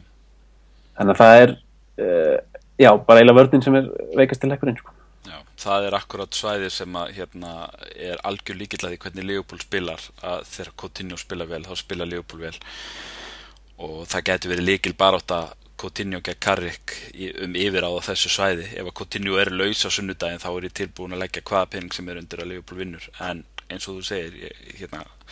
koma Carrick tímanlega koma Carrick inn í liði gerir mig aðeins meikar um að Coutinho fá ekki það svæði sem það þarf til að spila vel en sko, hann meittist í upphæðu tímbils á bara undirbúrstímbilinu Já. svo kom hann tilbaka í oktober og þá fór liðið á sexleiki sigurinn. Segi bara allt sem það segja þar um mikilvæg hans við liði Já, líki leikmaður. Einarud, sama spurning. Ef að við erum brjálæðir á sunnudagina því að Liverpool hafa klúrað þessu, hvað gerðist? Ég held að ég veit það ekki, ég veit ekki hvað ég held þá er það eitthvað svona að, United hafi skorað eitthvað skallamörk eitthvað svona við svona, komu upp einhverju gamli drauga með það að við getum ekki varist leika, leikadröðum þeir hafa eitthvað þeir hafi sett hérna Fellaini og, og eitthvað, þú veist, eitthvað þannig fram og þannig Er unnileikin ekki Smalling búin að stanga nokkur inn í vetur? ég held sem fjögumörk Jú, það væri eitthvað þannig sko. Það er akkurat það sem ég var að hugsa líka. Först leikaður á móti Fellaini og, og Smalling og þú veist Rúni Já. og Póti ykkur frákasti og, En leigupómenn hljóta að vera bara í- á töflufundi núna bara as we speak, bara stanslust að fara yfir það vegna þess að það verður klárlega sko, fyrir eini er maðurinn sem að þeir leita að stanslust með háa bolta eitthvað rétt fyrir utan tegin eða Og ma- tegslínunum Það má samt segja sko að Sako og Skortul hafa verið rosalega góðir í, í leikjum þar sem að, að, að liðin hafa verið að dæla inn háum boltum. Í mann bara allir með, með Vestham sem menn þeir voru að dæla inn einhverju boltum og Andy Carroll Sako tók það bara tók alla boltana. Ég, ég trú ekki að eh, öðru heldur en Liverpool vinni þennan leik. Ég, ég hérna ég, er bara, ég er náttúrulega bjartstinn að eðlisfæri og, og ég er að skoða hérna leikskýrsluna Þángar til þú ert svartvít Já, þá, ég er að skoða hérna leikskir, leikskýrsluna fyrir, fyrir hérna Manchester United Tottenham og þú veist, það er ekki eitt leikmaður sem ég myndi vilja hafa hjá Liverpool fyrir utan auðvitað De Gea. Annars er þetta reyð, við myndi Valencia, Smalling, Jones, Blind, Carrick, Mata, Herrera, Fellaini, Young og Rooney. Ég, þú veist, mér, þú myndi vilja hafa Michael Carrick í liðinu já, ok, mögulega, ég, ég, ég veit ekki, ég, hérna, og þú tökur Lallana yfir að ég myndi þykja Rúni sko Já, sko, ég seti nú Rúni á móti Störrit og, og þá myndi ég alltaf velja velja Störrit sem efsta mann, þannig að hérna auðvitað ef, ef, ef, ef við ætlum að velja þetta þannig að við getum velja bara hvaða mann, sem- hvaða manni þá kannski verður þetta eitthvað aðeins öðruvísi en, en svona ef ég tek bestu menni sinni stöðu og þá, þá hérna þá er þetta Leopold menn þess að vinna að mínum að degi og hérna, menn með að vera ósammála með það. Þannig ég, ég einhvern veginn ég held að þessi kannski ágætt að United hafi unnið þennan Tottenham leik ég, ég allavega ég var rosalega kokki, ég veit að ég, veit að er, ég er ekki leikmaður Liverpool en ég var rosalega kokki svona á, á laugadaginn sko. Liverpool myndi bara vinna þetta þú veist, bara 3-4-0 bara sína þessu United liði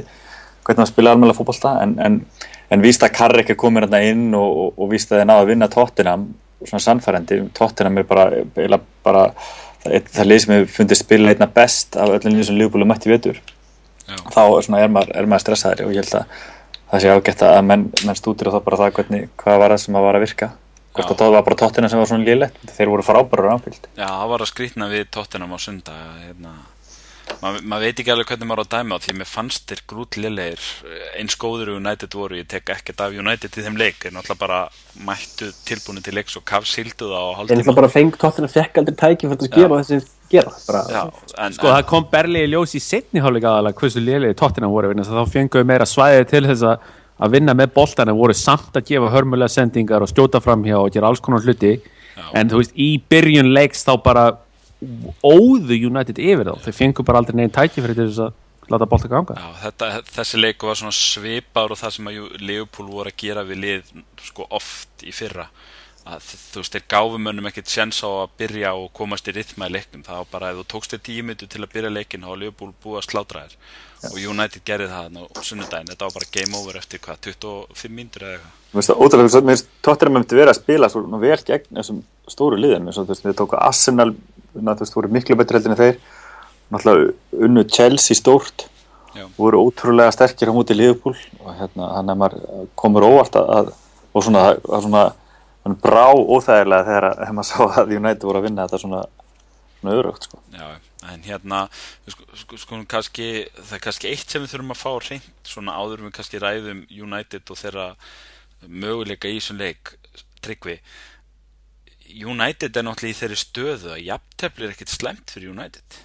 Þeir þurfa náttúrulega er það ekki bara fyrst og fremst að forðast að tapa þessum leik? Ég allavega sem Leopold maður horfa á þannig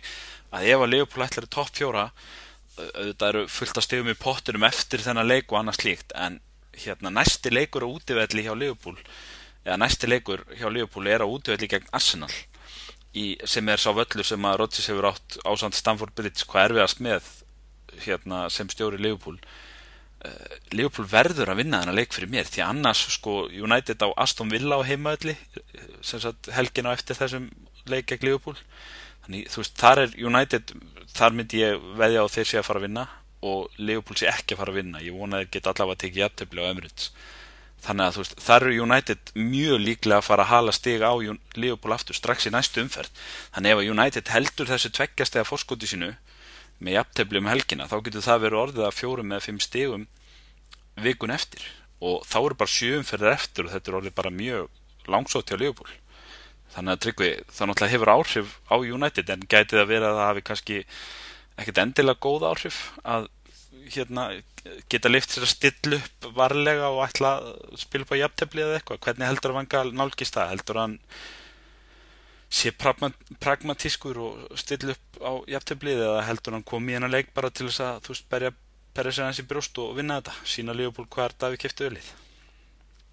Ég held að hann stilli sér bara upp eins og hann hefur verið að gera allt tímbilið, hann hefur ekkert verið að stilla upp til sigur, setja til jafntefnis eins og gegn Arsenal hérna á, í byggarnum daginn sko. Ferguson var búin að búa til bara blueprint sem var hægt að fylgja og þú kannst verið með John O'Shea og, og Darren Gibson á miðinu, skilta engum máli og United vann 3-0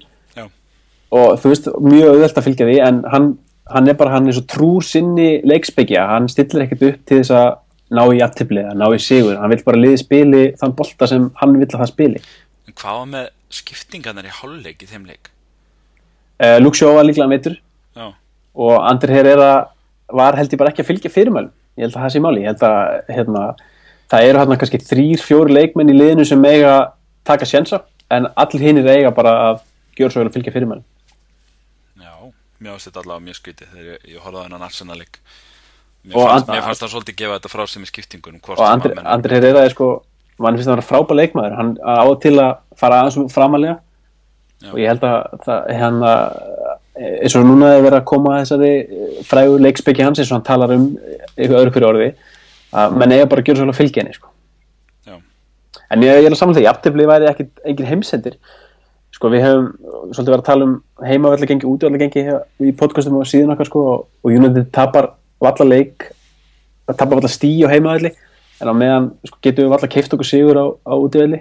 Já. en við gerum mikið af jafntilum á útvalli við erum búin að gera held ég átta jafntilli þar sjö á útvalli á tímbilinu þannig að jafntilli var, eh, kemur ekkert óvart sko. Ég, ég meina Sigurjón, er ekki jafntefli bara mjög góð úslit fyrir United í þessum leik? Eins og ég segi þá haldið tveggjast eða fórskotinu á Liverpool og hérna og Liverpool er svo leiðinni á, á Emirates í næstu umferð þannig að þú veist það, það allt í einu eigur líkuna mikið á hann á svona verja fjóðarsæti allavega og horfa bara upp fyrir ykkur frekari niður Jú, jú, jú, sko, Liverpool að fara á Emirates, það hérna, sko, ég, ég get alveg trú að Liverpool sigri þar, sko. Þannig að, hérna, ég, ég ætla ekki að tala um þannleika eins og það sé ykkur örugur sigur City, sko. City er á bölvu basli og, og Liverpool verðist oft, hérna, Nei, það er Emirates er hjá Arsenal. Fyrir ekki Emirates, já, annað bölvað flugfélag, sorry. Mjög þetta- skiljanlega mistök. Ég hérna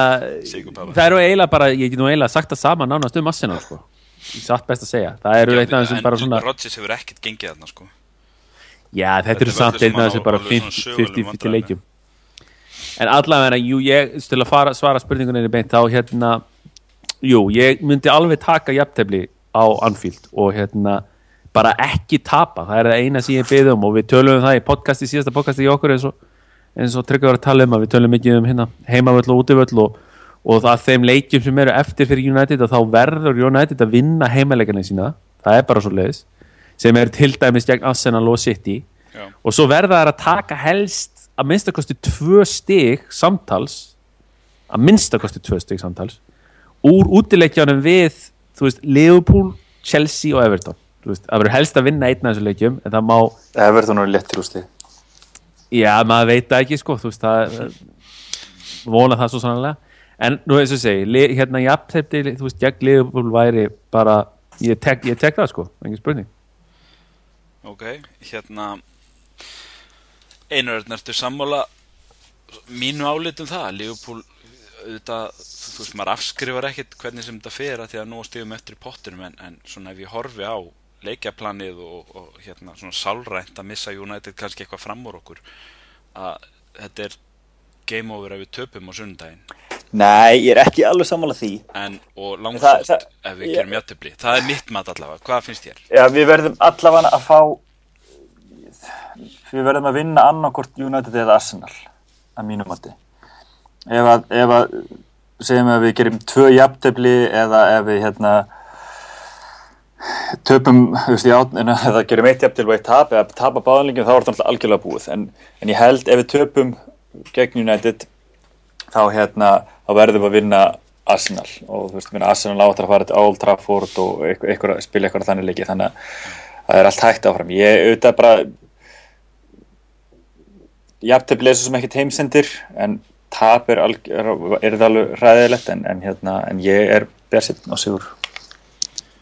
Ok, hérna þá snúum við upp að spurningunum við Tryggvi, ef að þið vinnið, hvar vinnið þetta? Hvað er það sem að er líklegast til að tryggja United sigur í þessum leik?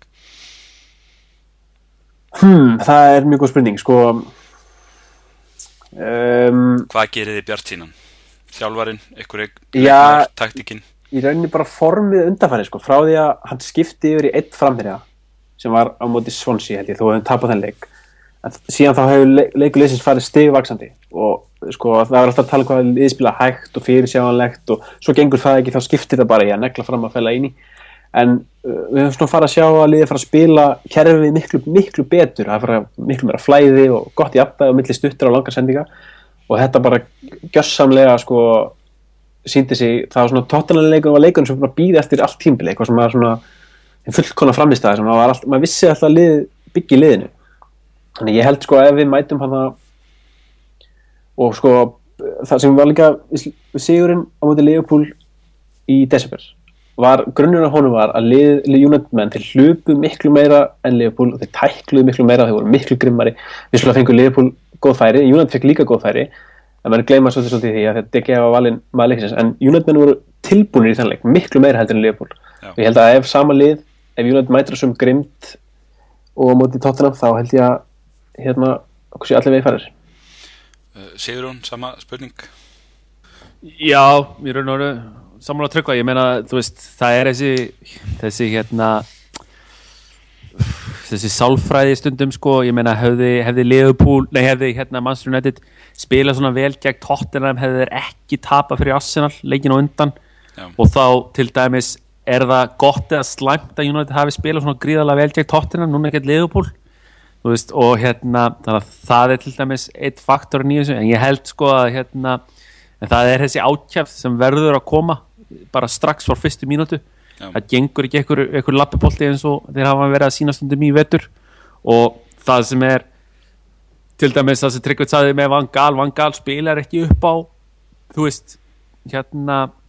jafntefli eða, eða hann, hann, hann, þeir bara kunni ekki þetta park the bus filosófíu sem að Mourinho er svo sterkur til dæmis með sko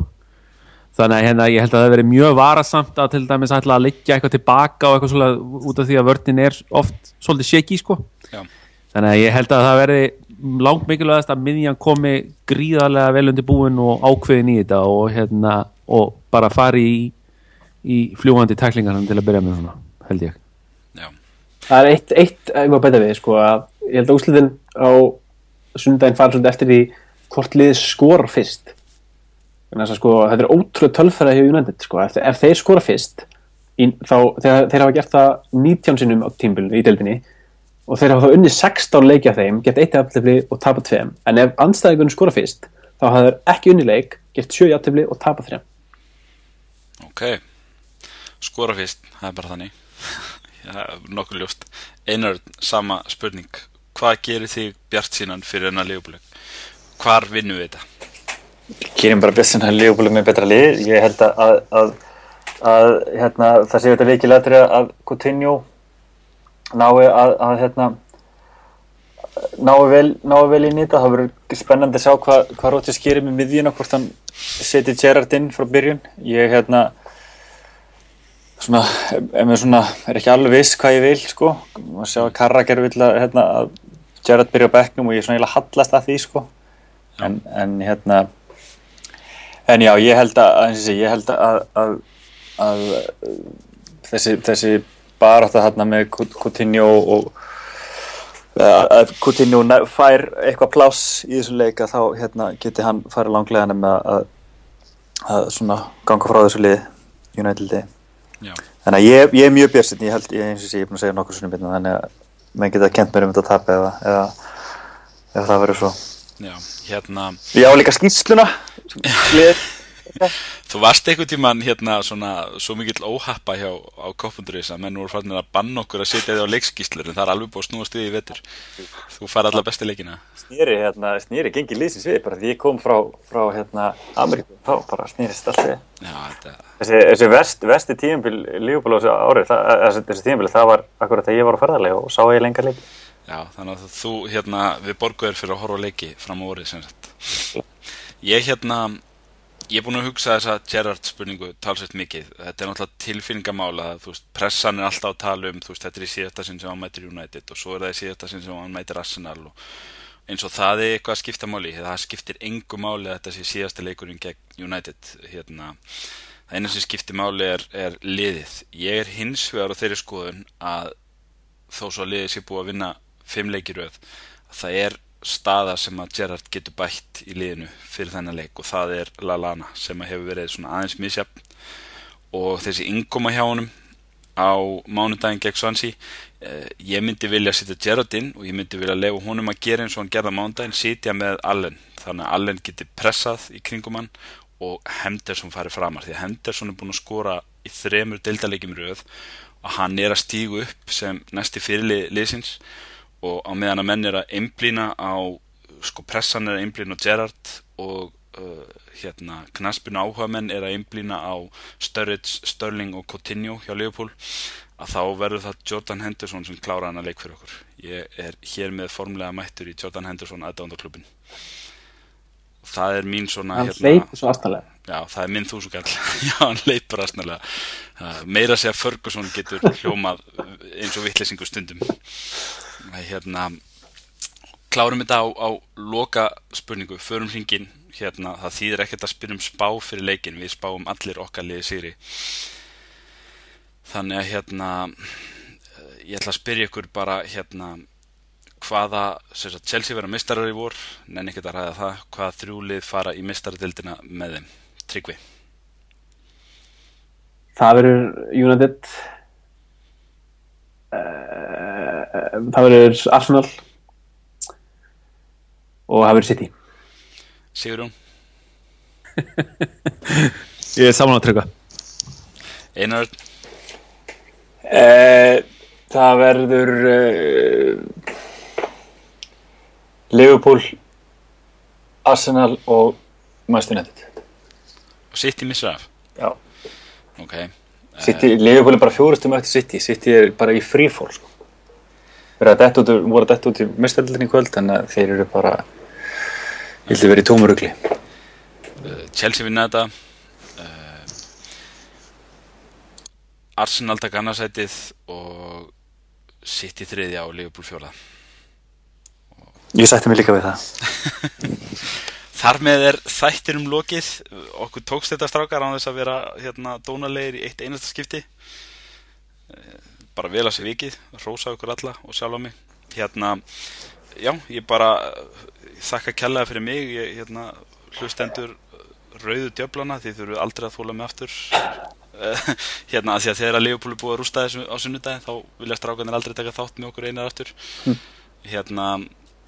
og þegar Koppundurís við hérna einarörn heyrum í ykkur Sigur Hress eftir hérna eftir hennan frábæra Sigurleik. Við tökum upp aftur næstu eða það næstu viku Sigur hún og Tryggvi, ykkur lokaður frá ykkur? Ljúkið þættinum bara, ég er hættur. Áfram United. Já, já, við bara við bara snúum öllu því sem að Kristján Alli var að segja Já. við. Ekkert, ekkert flókið. Það ekkert flókið. bara takk kærlega fyrir okkur og hérna bara skemmtileg, skemmtileg breyting á að að hafa svona samanleitt podcast og hérna og það búin kannski gerast aftur eftir nokkur ár þegar þið búin að jafna ykkur yfir 6-0 tapinu núna á sundag Já, það, það var tilefni til þess að taka svona þátt núna, það er alveg á hreinu, það er ekki hverja ári sem að Liverpool og United eru að berjast um í þessari stöðu og, og verður kannski ekkert í framtíðinni. við höfum sjálf að vera svona jafn sko. Já, ef við ekki að ljúka þessu á klísju, megi betra liðvinna,